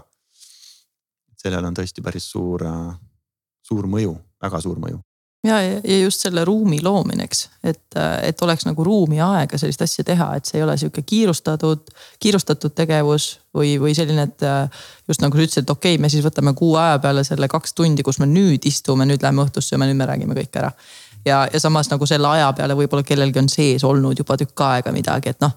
mind paneb alati selles mõttes kurvastama sisemiselt, et mõtle, kui palju ressursse seal kinni on. kui see saaks juba räägitud praegu, siis oleks homme juba kõvasti vabam ja kusjuures nali naljaks, aga tegelikult spordis on see ülioluline kui me räägime, mida kõrgemale sporditasemele lähme, siis iga väike ressurss on ju hinnaga ja kui nüüd mõelda, et sihukene noh, kas tiimis või isegi ütleme sportlasel endal on ju enda sees mingisugune mure, mis teda häirib ja ta ei saa jagada. tal kogu aeg see istub. ja see kogu aeg võtab mingil määral energiat ära. et noh, kui saab selle nagu äh, lahti rääkida, jagada, aru saada, mõista, siis on sul lihtsalt nii palju ressursse rohkem, et see on nagu see peamine mõte et tegelikult see aitab su spordisooritusele ka kaasa, see ei ole lihtsalt niisama mingi sihukene tore nii-öelda mm, jutumärkides pehme värk, mis me siin teeme, vaid sellel on tegelikult sooritusele ka mõju. no kindlasti on ja alati sa ei jõua nii-öelda selles mõttes, et noh pallimänguvõistkonnas on veel rohkem liikmeid. ütleme, meil on neljapaat, meil on neli liiget ja treener ja kõik on äh, ühele meeldib enne võistlust tulla tasa, keskenduda üksinda, teine tahab rääkida kolmas tahab äh, võimelda või midagi kolmandat teha.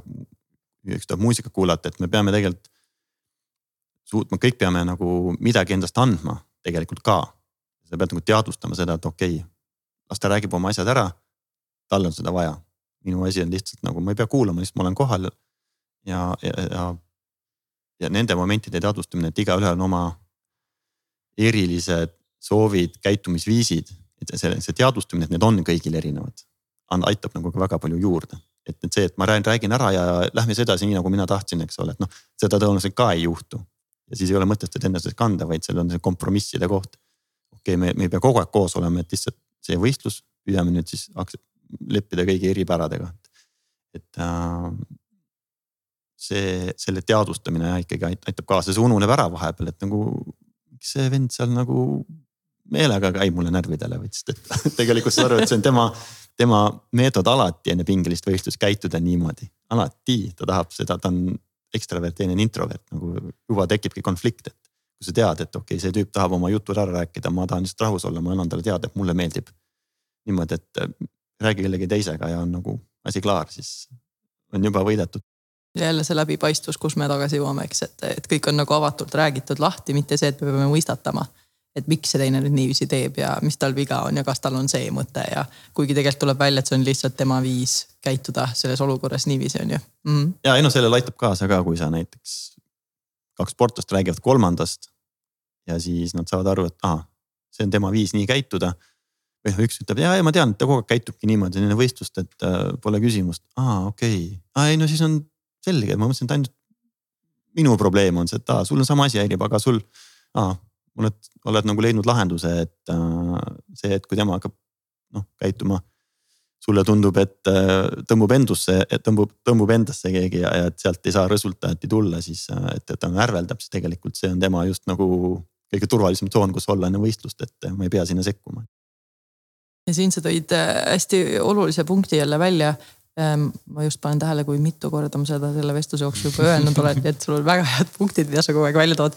aga, aga seesama asi, et, et vahe on ka selles, kuidas me räägime teisest inimesest, eks. et see, mis sa praegu kirjeldasid, oli väga hästi seotud sellega, et äh, ma jällegi nagu sihukese sõbralikuse uudishimuga arutan teisega, et nagu proovida teist enda tiimikaaslast paremini mõista. mitte see, et ma kellegagi räägin kellestki, et kuule, vaata, et see on küll vapsi imelik, et miks ta niimoodi teeb. ja seal on jällegi väga suur vahe on ju, et kas me räägime ühte või teistpidi kolmandast inimesest. Versus see, et ma lähen räägin selle inimesega kohe otse et kui see on jällegi sihuke mm,, tuleb heast kohast ja sõbralik mm, viis, kuidas proovida mõista teist, siis see on väga okei okay,, tundub, aga aga jah, et kus läheb sinna teisele poole, siis on vist väiksed ohud ka seal juures. jah, ta igal juhul võiks olla nii-öelda positiivse nurga alt vestlus, et, et vahel on ka isegi naljaviljuks vestlused nii kestnud, et neljakesi kõnnime ja kolmekesi hakkame seda neljandat venda nagu äh, heas mõttes nagu äh, taga rääkima tema enda kuuldes.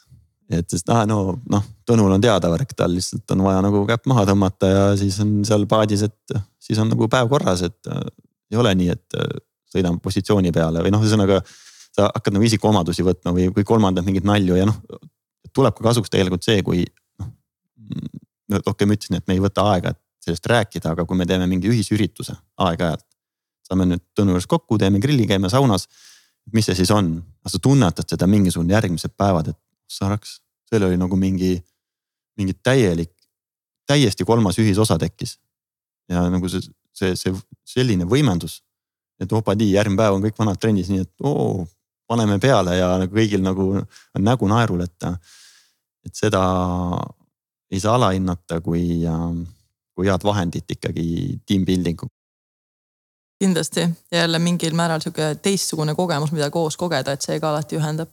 ja tegelikult need asjad, mis me täna siin oleme rääkinud äh, seoses nende suhete ja nende loomisega, siis tegelikult see käitub ju ka organisatsioonides samamoodi, kui me võtame ka töökeskkonnad miks muidu käiakse neid tiimiüritusi tegemas kuskil ja mingeid väljakutseid, et noh, spordis on see, kus väljakutsed on igapäeva osa, eks. ja nemad peavad võib-olla seda teist tegema, on ju, aga noh, tava tööolukorras on samamoodi, et minnakse ju tegema siukseid väljakutseid koos, et omavahel jällegi seda suhet natuke tugevdada ja saada see ekstra asi sinna juurde nii-öelda, et usaldust tekiks rohkem üksteise vastu. ja täiesti kindel, et ma arvan, töö juures on see ekstra oluline, sest äh, spordis sa saad füüsiliselt ikkagi ennast maha laadida töö juures sul, kui su töö ei ole füüsiline, siis äh, on, on see väga palju vaimne.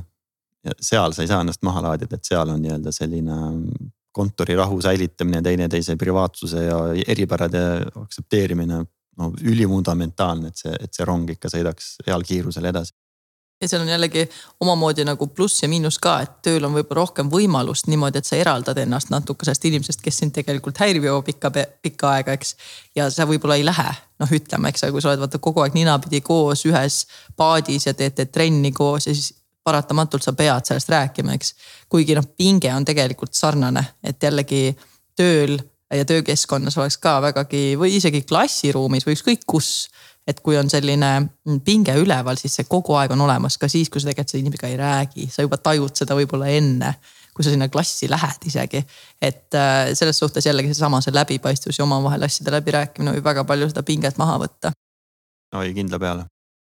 kui, ähm, kui lähme siit suhetest veel natuke selle suunaga edasi, et sa mainisid vahepeal ka päris palju sellist teise mõistmist, et proovida nagu teisest aru saada ja teise vaatenurka näha, et mis sa arvad, millal, äh, miks see sulle nii omane on, et kust see tulnud on, et üks oli see, et ma saan enda tunnetest aru, aga teine samm on nagu siit edasi see, et ma tegelikult proovin teist mõista ja proovin temast aru saada ja tema vaatenurka näha ja näha seda, et äkki on asi minus üldse, et tema võib-olla ei tee midagi valesti.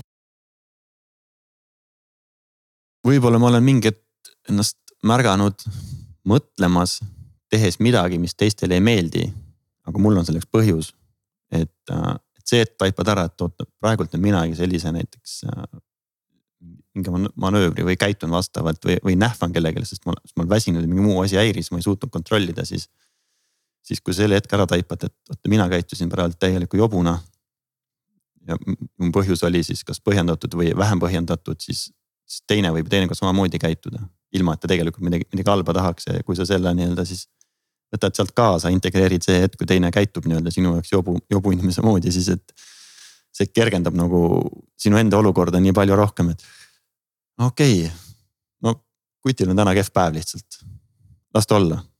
noh, saad teistele öelda, kuule, rahu, las ta olla, noh seda ei taipa iga kord. sa mõnikord väga lihtsalt lähed teisega kaasa, lased ennast kaasa tõmmata emotsionaalselt ja, ja siis on nii-öelda sõda, sõda lahti, et äh, aga, aga kui seda suudad nagu kiiresti taibata. et, et oot-oot-oot, tõmba nüüd, siin on nagu tegelikult midagi muud kui, kui lihtsalt see, et mingi asi omavahel või minust tingitult juhtus, et, et tal nagu terve hommik on ikkagi midagi viltu, et võib-olla ei taha rääkida, võib-olla reaalselt ongi kodus mingisugune noh. ma sa ei tea, mis tema, mis, mis tema sees tegelikult toimub ja mis on juhtunud tema elus, et. et, et seda tasub nagu alati meeles pidada. pärast nagu hoida peas kahe käe kinni ja mõttes, et te panite paika olukorras, kus teine oli juba, juba elu probleemidega ahastuse äärel, siis äh, on ikka väga nüri tunne endal sees. ja, ja, ja proovidagi mõista seda, et äh, äkki tal tõesti juhtus midagi või seal on mingisugune, sa enne kirjeldasid ka hästi, et, et äkki seal on mingi põhjus, miks keegi mingit moodi käitub et see ei ole lihtsalt niisama ja tegelikult see ongi nii, sest et inimesed alati käituvad mingil põhjusel mingit moodi. absoluutselt. et jah. see on selles mõttes väga-väga tervislik ja omamoodi see tegelikult võib tunda, et see on nagu justkui teiste peale rohkem mõtlemine, aga oma paradoksaalsel kombel on see natuke ka enda suhtes parem käitumine, sest see võtab endal seda ärrituvust maha, kui me õpime nagu teisi mõistma ja, ja saame aru, et seal võib mingi põhjus olla. et see ei ole isegi ainult seotud temaga, vaid see on seotud tegelikult sellega, et ma ise tunnen ka ennast lihtsamalt ja mul ei ole nii suurt ärrituvust sees, kui ma saan sellest aru. jah, täpselt nii on. et see on, see on põnev.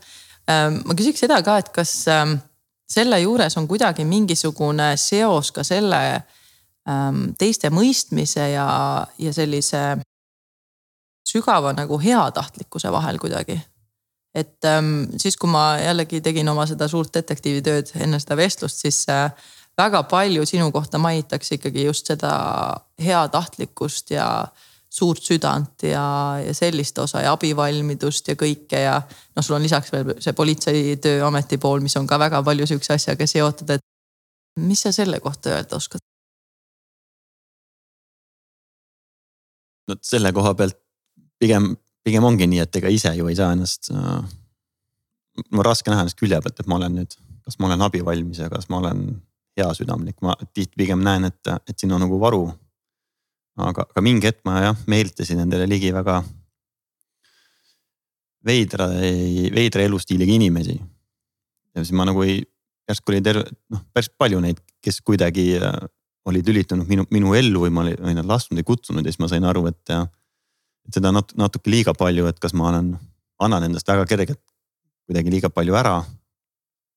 mis tähendab, et äh, enda jaoks jääb vähem aega, kuna ma liiga palju teiste elusse kuidagi, kuidagi süübin või jõuan selliste huvitavatele, huvitavale ääremaile. mida tava, tavapäeva, tavalisel päeval, tavalisel inimesel nagu ette ei tule neid temaatikaid või küsimusi ja noh, see kõik on muidugi tuleneb sellest, et mul on huvi inimese vastu ja kui on teistsugune inimene, kes on mingi põneva maailmavaatega, imeliku, teist, mitte imeliku, vaid teistsuguse tunnetusega või. või tõlgendusega elule, siis see mul, minus tekitab juba huvi ja ma olengi konksu otsas. aga, aga kas see kõik on nagu alati ratsionaalne, seda ma ei oska öelda ja või võib-olla see avatus siis tekitabki ja, või jätab siis mulje, et ma olen, olen heatahtlik või abivalmis alati, et ähm,. ja tegelikult tuleb välja, et sa ei olegi. tegelikult, tegelikult oled lihtsalt egoistlik uudishimulik äh, inimene just nii, jah. ma, ma ei oska seda pikalt kommenteerida, kui, kui see on nii välja tulnud, seda on hea kuulda. tean veel isikuid, kes, kes on iga hetk valmis aitama kedagi, kes abi vajab, et äh, olenemata enda kiirest elutempost, et see on, äh, see on märkimisväärne asi, mida, mida tuleb, mida võiks igaüks natuke rohkem teha tänasel päeval, märgata enda ümber. selles mõttes märgata, et, et sa ei märka ilma, kui sa ei süvene natukene, et seal on selline paralleel, et ja selles mõttes ega see Covid nüüd ei ole nagu väga paha haigus, et. see, et elutempo, mis äh, tundus, et oli peal, et keegi, kes juhti juba nädalavahetusel lennukiga kuskil kolmeks päevaks puhkama, see tundus mulle jumala absurd. et sa istud lennukis ja sõidad kolmeks päevaks ja kaheks päevaks kuskil puhkama, sõidad tagasi, et nagu see tundus meeletu raiskamine juba, et. et kogu see tempo mulle tundus, käis üle peakaela minu jaoks juba, et, et, et. kui sa meilile ei vasta tunni aja jooksul, siis sa oled juba nagu ammu hiljaks jäänud, et äh, kui sa korra päevas loed meile, siis see on nagu väga-väga-väga aeglane tempo. rääkimata kui üle päeva loed, et siis et siis ähm, sellest tulenevalt mulle meeldis, et see elutempo tõmmati natuke alla, inimesed jõuavad natuke rohkem endasse süveneda, enda ümber vaadata, kes teil ümber on ja, ja mis see nii-öelda elu mõte siis või see tegevuse mõte sul on, et mm -hmm. kas seda peab sellisel kujul tegema, mis sa siiamaani teinud oled. või kart-, kardetakse võib-olla endaga rohkem tuttavaks saada, siis selle tõttu see väline signaal hoiab sind kogu aeg tegevuses jah, jah kindlasti, et see on täitsa omaette sihuke suur teema, et ma arvan, et sellest me peame kohe täitsa eraldi podcast'is rääkima. aga kui me jääme veel natukeseks just nende, mm, nende heatahtlikkuse aspektide juurde ja just see suhtlemine ka, et tegelikult see käib ju suhtlemisega absoluutselt äh, kooskõlas. et äh, siit tuligi vaata huvitav asi välja jälle, kuidas, kui sina oled olnud avatud ja lased inimestel tunda, et neid kuulatakse, päriselt ka kuulatakse ja tuntakse nende vastu huvi siis nad muutuvadki ise ka avatumaks ja nad, nad äh, tahavadki jääda selle inimese juurde, nagu sa ütlesid, vahepeal pluss, vahepeal mitte, on ju. aga, aga samas mõtle, kui huvitav näide see on tegelikult sellest, mis, mida saavad väga paljud inimesed väga paljudel inimestel pakkuda. just sedasama lihtsalt seda kasvõi ühte hetke päevas, kus tõesti nende vastu tuntakse huvi ja kuulatakse päriselt ka mitte lihtsalt niimoodi, et ma ütlen tere ja liigun juba edasi või küsin nii-öelda inglaslikult selle how are you ja tegelikult ma ei oota sealt mitte midagi vastu, vaid ma lihtsalt tahaks, et ta vastaks mulle samamoodi ja saame edasi liikuda. et see on jälle hästi huvitav äh, inimese selline loomulik osa, et äh, kõik inimesed tahavad, et neid äh, mõistetakse, kuulatakse ja et nad on nii-öelda olemas, neid märgatakse. et see on ehk see kõige tähtsam asi selle juures. ja üks kõige raskemaid küsimusi on, et keegi mul küsib, kuidas sul läheb. ma olen nagu, kuidas mul läheb, nagu et mis nagu, mille suhtes või kuidas või kuidas ma tahan hinnangut anda, nagu mulle tundub nagu nii suur küsimus. et ma, ma, mul jääb see küsimus vastu, keegi mult küsib, kirjutab, et oh tšau, kuidas läheb, siis ma. siis, siis tõenäoliselt ma ei, ma ei pruugi sellele vastata, sest ma ei, mul ei ole nii palju aega, et ma peaks sinna kirjutama justkui kirjand, et, et ma ei saa vastata lihtsalt noh. et hästi või halvasti, siis noh, tegelikult ma saan aru, et ta tahab lihtsalt niisama suhelda, et. et see on see tõenäoliselt see mõte on ju, aga, aga see sama teema juures mm, see kuulamise kunst, korraks tähelepanu anda inimesele kasvõi viieks minutiks on rohkem väärt kui temaga tund aega ja olla mõttega mujal, et seda väga hästi peegelduvad omaenda lapsed, et. et äh, tule mängi minuga ja kui sa mängimise ajal oled kohal ja ei ole kohal, kas vaatad ühe silmaga telekat või käpid telefoni vahepeal. siis no põhimõtteliselt sa ei pea selle lapsega mängima minema, sest ta saab kohe aru. et issi, issi, miks sa, miks sa ei mängi minuga selle või tollega, et pigem lepi kokku, okei okay,, veerand tundi täielikult maksimaalselt olen nagu tema mängus sees. kogu aeg ta tunnetab seda ja ta saab sellest nagu nii suure südametäie, et kuule, et nüüd võid minna oma asju ajama, et. et see tähendab seda, et ega ju, ega see soov ära või see vajadus tõenäoliselt ära ei kao täiskasvanud inimesel.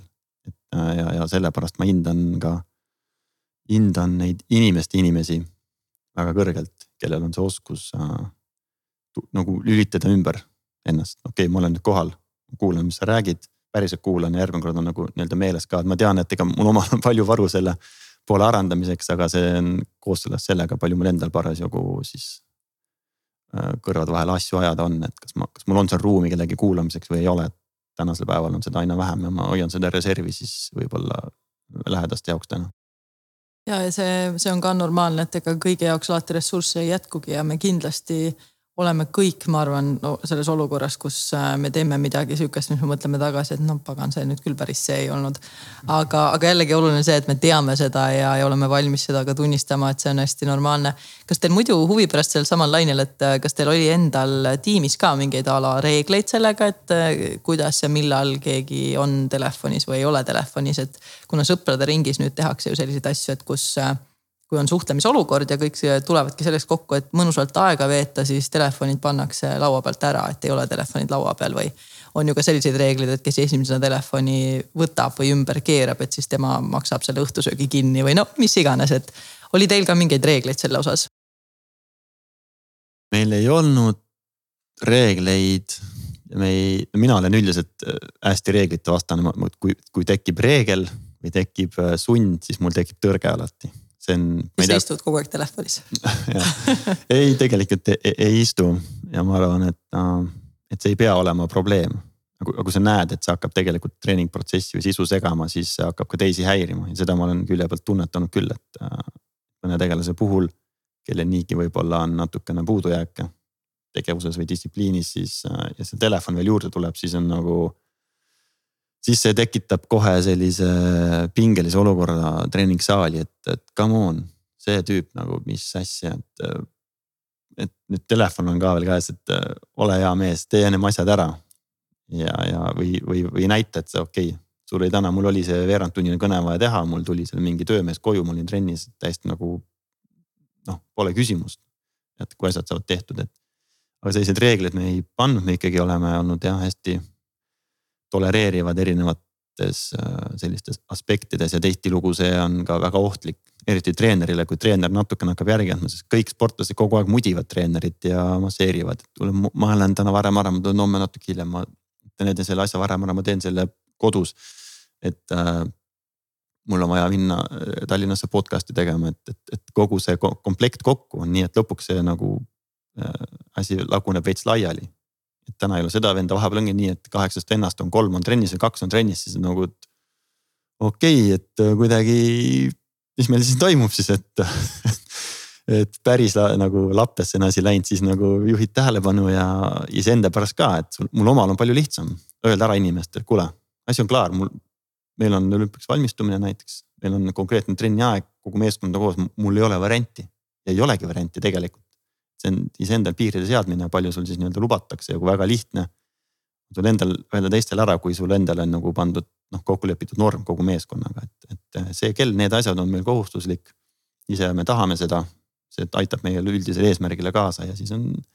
sul on kohe see relv võtta taskust, et sorry, mul tänasel päeval jäimegi välja, räägime aasta aja pärast jah, ja jällegi, et äh, suhtlemisel ei ole ainult see, et me veedame mõnusalt koos aega, vaid vahepeal peabki olema konkreetne, vahepeal peab piire seadma, vahepeal peab konflikte äh, nii-öelda käsitlema, et kõik need asjad on omal kohal, et mitte ainult see mõnusalt koos aja veetmine, saunas käimine või, või trenni tegemine, et tegelikult kõik need erinevad aspektid moodustavad ju suhte, et et see on Midagi. ka, ei ole hea suhe see, kus kõik on kogu aeg äh, lill ja keegi ei tee mitte ühtegi kurja sõna ei tee ja yeah. kõik on, kõik sujub, kõik kogu aeg sujub, et see on, see on põnev, aga kui kui rääkida ühest, sa tõid küll korraks juba lapsed ka äh, siia juurde, et, et sul on ju tegelikult ka pereelu väga selline aktiivset suhtlust nõudev kogu aeg, et kas äh, peres suhtlemine ja spordi tiimis suhtlemine või treeneritega suhtlemine, et on see sinu jaoks kuidagi erinev või on see tegelikult üsnagi sarnastel põhimõtetel?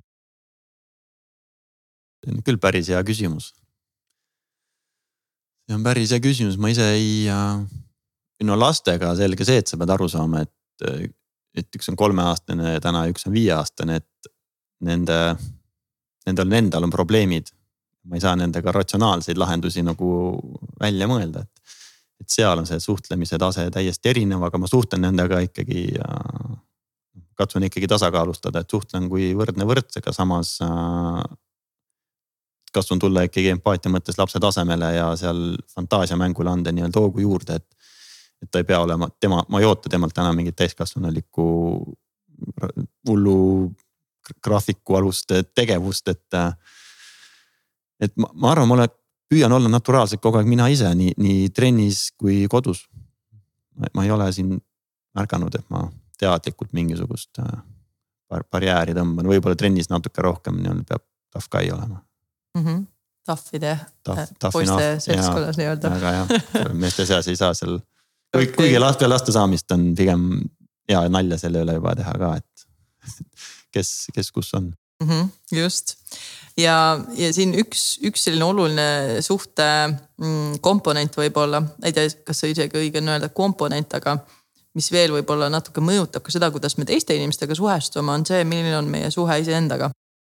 et kui sinu puhul ongi välja tulnud, et sa oled selline teiste suhtes avatud ja heatahtlik ja pigem sihuke abivalmis ja korraks küll seadsime selle kahtluse alla, aga ma arvan, et see on endiselt nii, nagu ta on ja kuidas te, kui usume siin teisi, kui teised sinust räägivad. aga äh, kui sõbralik või kui ähm, toetav sa iseendaga oled?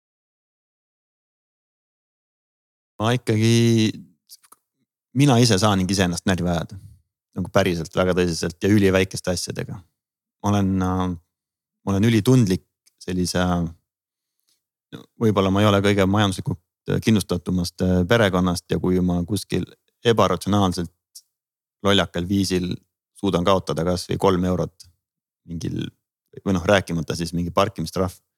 no siis mul on iseendaga väga keeruline toime tulla, ma saan aru, et mul on ülikeeruline toime tulla, ma saan aru, et Allar, ma räägin iseendaga kohe kõnet, et mis toimub kuidas see mind, kuidas on võimalik, et see väike asi mind häirib või.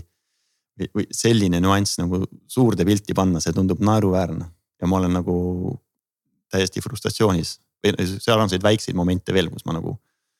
mul, ma kipun tihti hilinema ja kui ma siis järjekordselt hilinen, siis ma tunnen, kuidas see mind äh, sisemiselt sööb, see mind nii hullult häirib, et ma ei suutnud jälle planeerida oma aega täpselt nii, nagu on tarvis. et äh, sellised pisikesed asjad, mis tegelikult suures pildis midagi ei oma Äh, suudavad mind täiesti endast välja ajada, noh tõenäoliselt on see probleem kuskilt sügavam.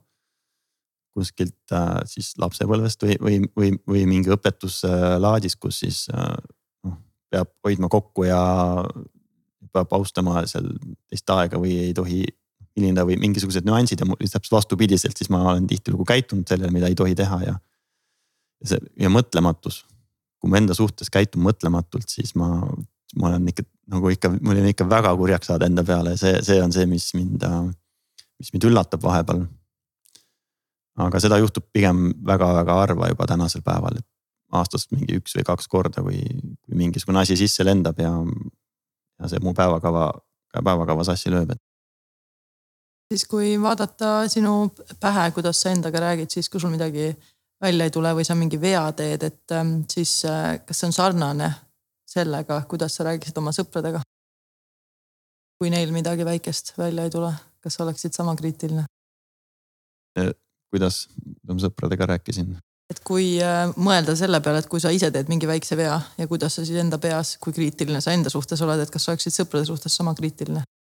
ei, kindlasti ma naeraks selle peale ja ütleks, et kuulge, et see, see ei ole nagu tähelepanu vääriv nagu moment, eks mind, minu sõbra on näinud ka, kuidas ma olen täiesti endast väljas täiesti tühise asja peal ja ma saan aru, et neil on piinlik olla seal kõrval või eba, mitte piinlik, vaid ebamugav on neil olla seal kõrval, sest ma tekitan sihukest komejanti täiesti tühise asja pärast või.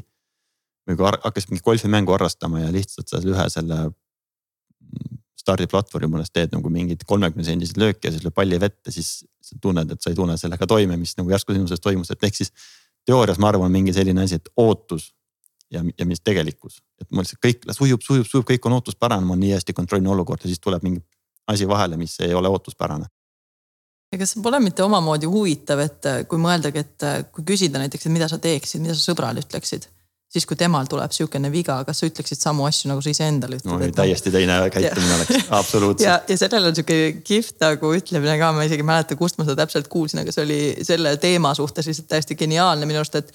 no põhimõtteliselt, kui ma nüüd vaataks ausalt nagu enda pähe, siis ja va vaataksin seda, kuidas ma iseendaga räägin enamus ajast, siis ja ma suhtleks niimoodi oma sõpradega, ma arvan, et mul oleks kalender täiesti tühi ja mul poleks mitte ühtegi sõpradega kohtumist enam. et noh, ja tegelikult see ongi reaalsus, et ähm, mm, ja siin ongi jälle seesama asi, et kuidas me saaksime nagu arendada seda poolt, et iseendasse ka nagu sõbralikumalt suhtuda versus see, et olen enda suhtes hullult kriitiline, aga teistesse tegelikult suhtun hästi. ja, ja see on jällegi asi, mis on avastamist väärt, et seal on kindlasti palju ressursse väga paljudel inimestel kinni. Kaasa arvatud ma ise muidugi, et see ei ole üldse see, et ma räägin sellest niimoodi, et mul seda üldse ei oleks, et on ikka, aga. aga just seesama, et kuidas äh,, kuidas sellel mitte lasta nagu võimust võtta nii-öelda.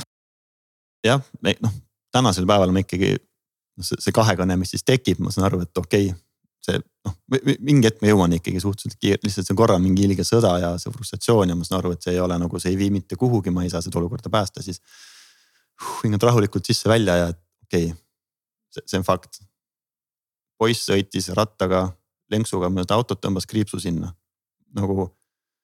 ja, teine, tegi seda teist korda veel, et, et okei okay,, see, see kriips on seal auto peal olemas, et mis ma nüüd teen nagu tahaks poisile tappa anda, mis ma, kuidas ma annan kolm või noh, üldse kellele sa annad tappa, kui see nagu ei olnud tahtlik tegu kogemata, kas ma oleks saanud seda ennetada.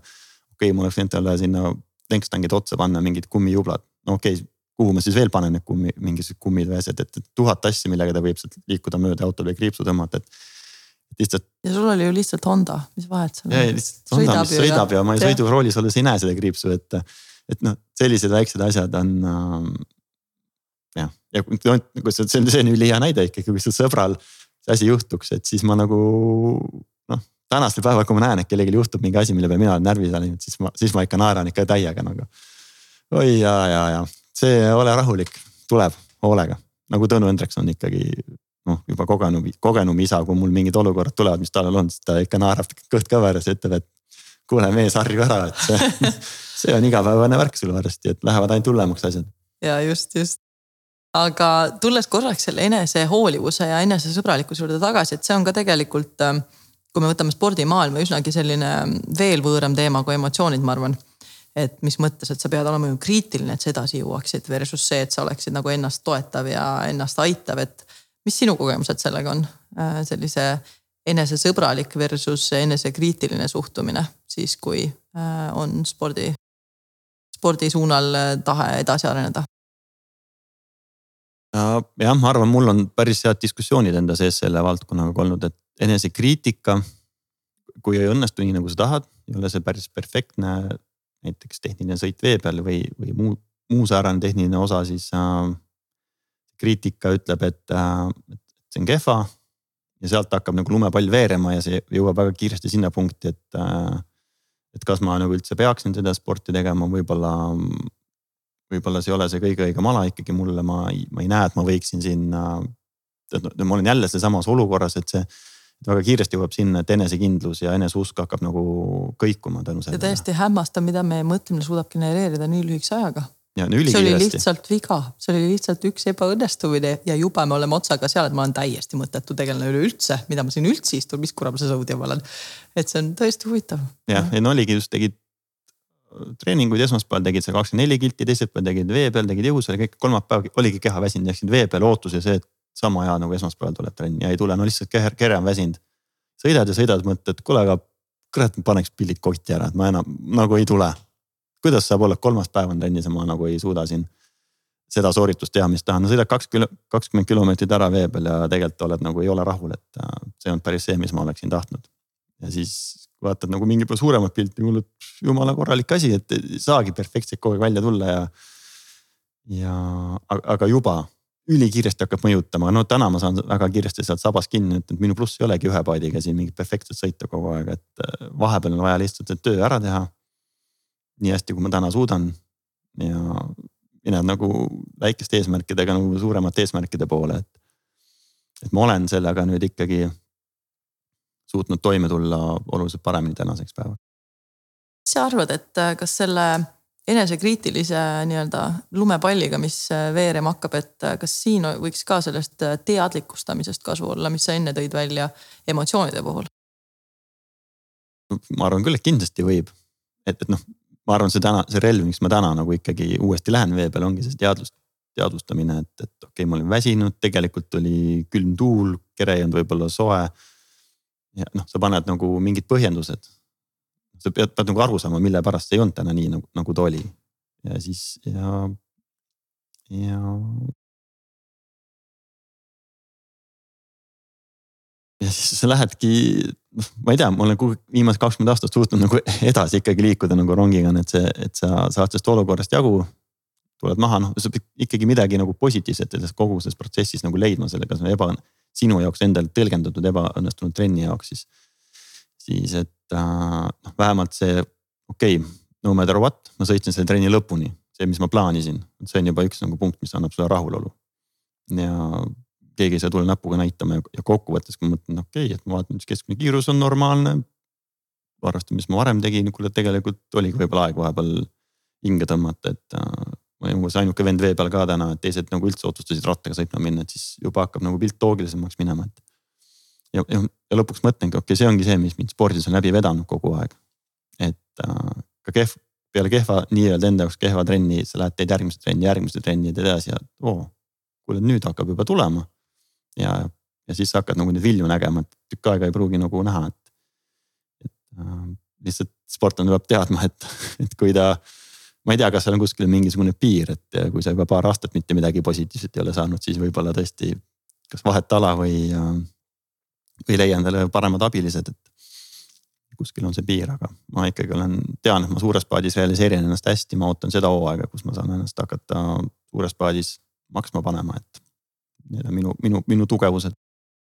ja, ja just see positiivsete asjade leidmine ka siis, kui see tundub täiesti võimatu, et justkui esimene mõte on alati see, et äh, siin ei ole ju mitte midagi sellist, et kõik läks ju nii nagu oh, seda ei saa isegi rääkida, et see midagi positiivset oleks.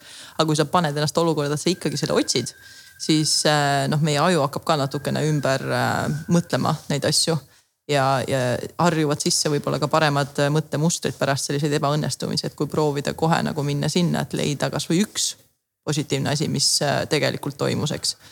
ja seesama teadlikustamine ka, et me lihtsalt teadlikustame ära, kui meie mõtlemine hakkab hullu panema jälle ja otsustab, et nüüd on õige hetk meid kritiseerima hakata, no nii maapõhja kui vähegi saab. Et kui selle rongi saab peatada juba alguses, siis ta nii suureks ei paisu ka, et see on selles suhtes hästi hea koht, kus see teadlikustamine võib jälle abiks tulla. nojah, ongi kogemuse põhjal täpselt nii, et see, see tahab trenni saada. seda üks konkreetne asi, see aju, aju tahab vaikselt treenimist samm-sammult lähened sinnapoole ja. ja ühelt maalt oled nagu, oled nagu valmis kiiresti ära tundma seda olukorda ja teine asi on see, et kui sa ikkagi oled sellest kehvast olukorrast välja roninud ja see on lõppenud kokkuvõttes hästi, nagu mul on mõned võistlused olnud, kus eelsõit on nagu nii katastroofiliselt kehva, et ma tahaks poole pealt lõpetada ja maksta tagasi maksumaksja raha ja öelda, et see on nagu täiesti vale otsus elus. et mina ja sportlane ja sa oled kuskil maailmakarika etapil ja see lõpus, võistlus lõpeb ikkagi medaliga kaks päeva hiljem, siis, siis sa saad nagu järelduse teha, et. Äh, et reaalsed päevad ei ole, ei ole vennad ja sa saad ikkagi äh, äh, oma tulemuse ära teha. Lihtsalt sa pead tegema õiged järeldused ja üritama siis muuta protsessi kuhugile poole, et, et see nagu, seda ei tohiks nagu unustada. et, et reaalselt ööpäevaga võib muutuda kardinaalselt palju ja tegelikult, mis on minu arust eriti huvitav, et äh, kui ma nüüd küsiks, et mis asi siis tegelikult muutub. noh, ütleme oskused jäävad samaks, ütleme ettevalmistuses sa midagi juurde ei tee, füüsis on tegelikult sama, ühe ööpäevaga mitte midagi ei muutu. et ainuke asi, mis muutub, on see, mida meie mõtlemine teeb ja mida meie meel teeb. et see on jällegi see hea näide, et, et mis tegelikult saab kiiresti muutuda, ainuke, mis saab muutuda, on see et nagu mingi muu asi seal tegelikult sellist kiirest muutust äh, väga nii-öelda ei too aga jällegi see ei ole võistlusolukord kindlasti see, kus seda asja nii-öelda treenima hakata, et see nõuab ikkagi samamoodi eeltööd ja ettevalmistust nagu ka, nagu ka füüsilised eh, lihased ja tehnikad ja oskused. ja, ja tõsi. Aga kui tulla korraks veel selle enesehoolivuse juurde, et eh, kuna tippsport on ka selline mm, valdkond, kus on äh, väga palju sellist ja kriitiline analüüs ei ole üldse halb, selles mõttes, et me peame oskama ka kriitiliselt analüüsida, aga mitte lihtsalt kriitikaga võib-olla, vaid siis sellise mm, probleemidele lahendust äh, leidva kriitilise analüüsiga, aga kuna sinna läheb väga palju ressursse ja ta on üsnagi nõudev ka, et kuidas sa veel endast hoolimist näitad või teed või on sul näiteks mingid mm, tegevused, mis aitavad sul oma ressursse laadida kuidagi ja, ja näidata seda, et sa oled tegelikult endale väga hea tugi ja väga hea sõber ka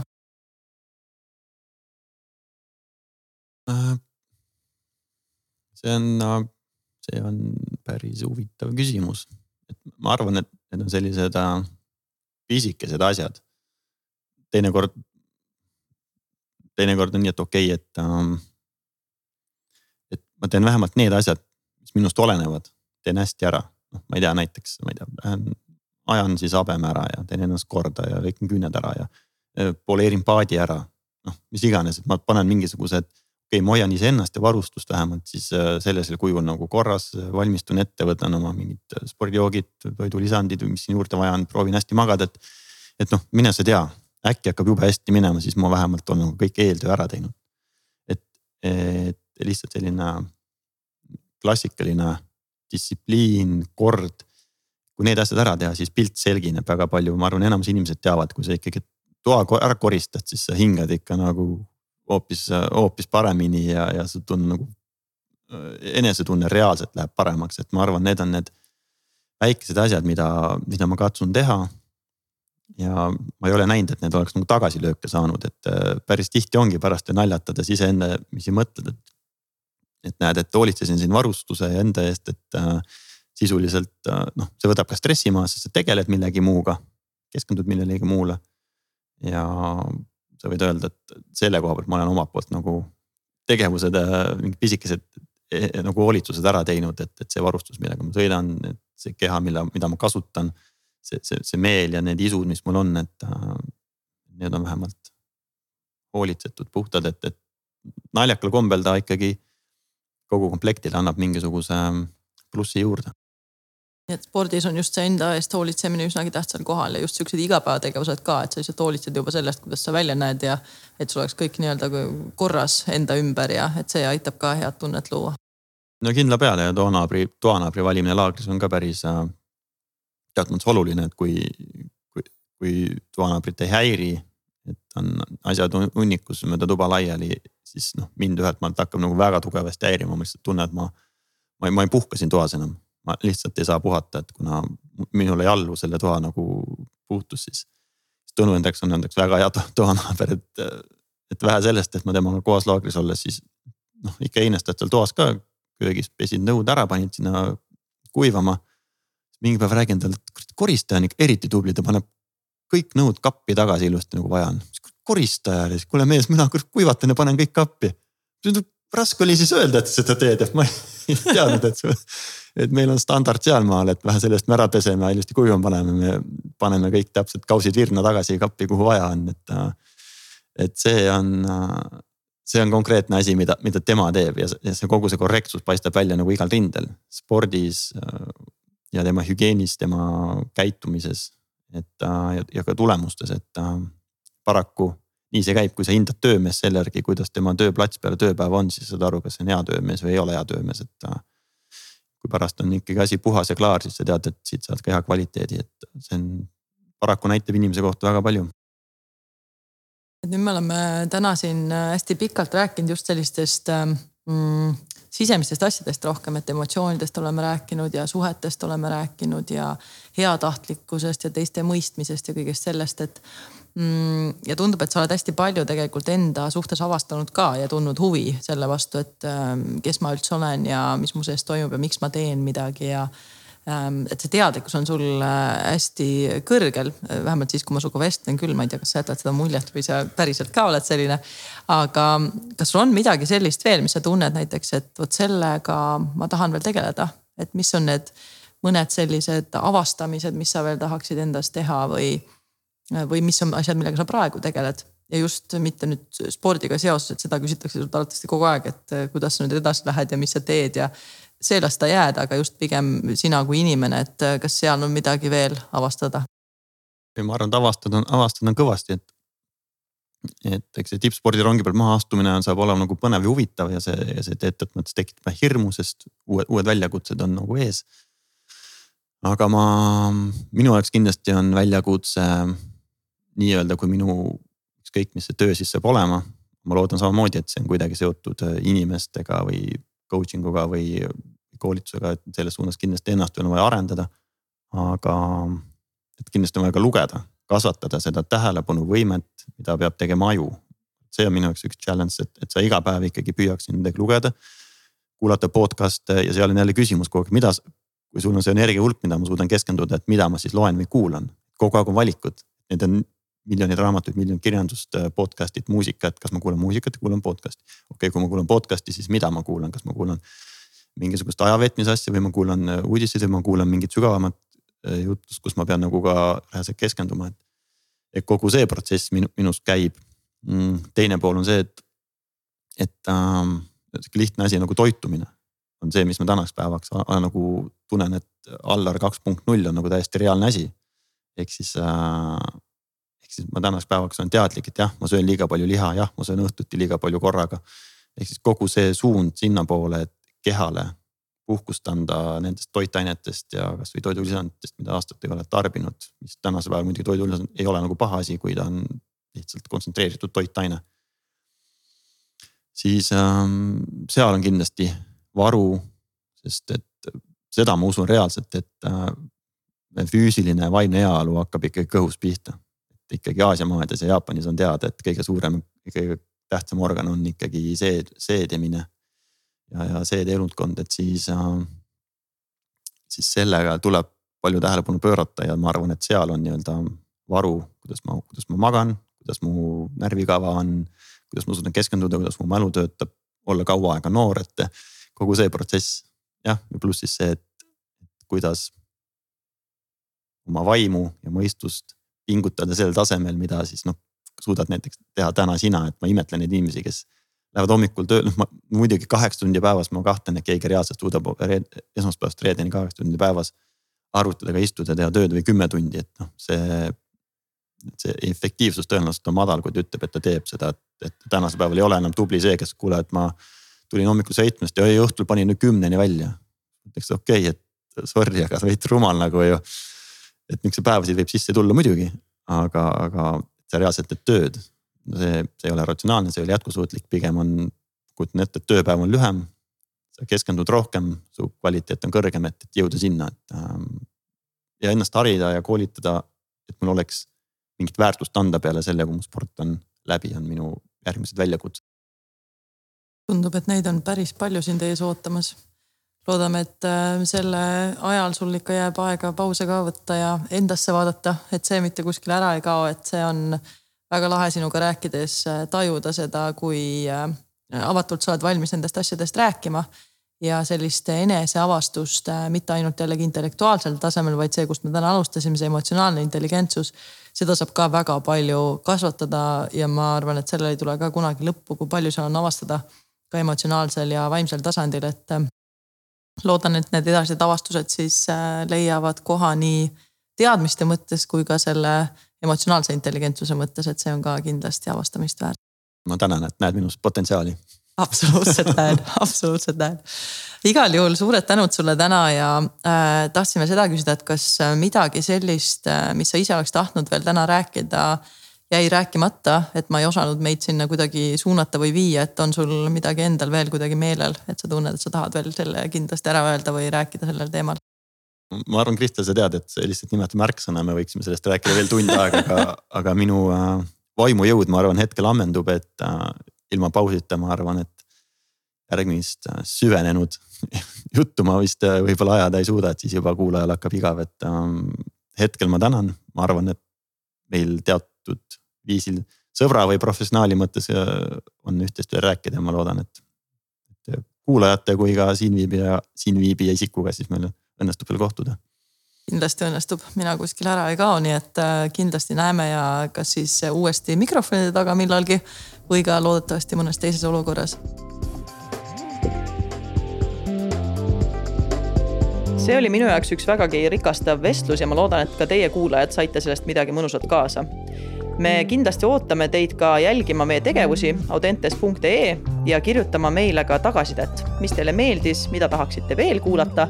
Ja meil on tulemas palju järgmiseid episoode, nii et kuulake ka neid kindlasti ja olge lainel. järgmiste vestlusteni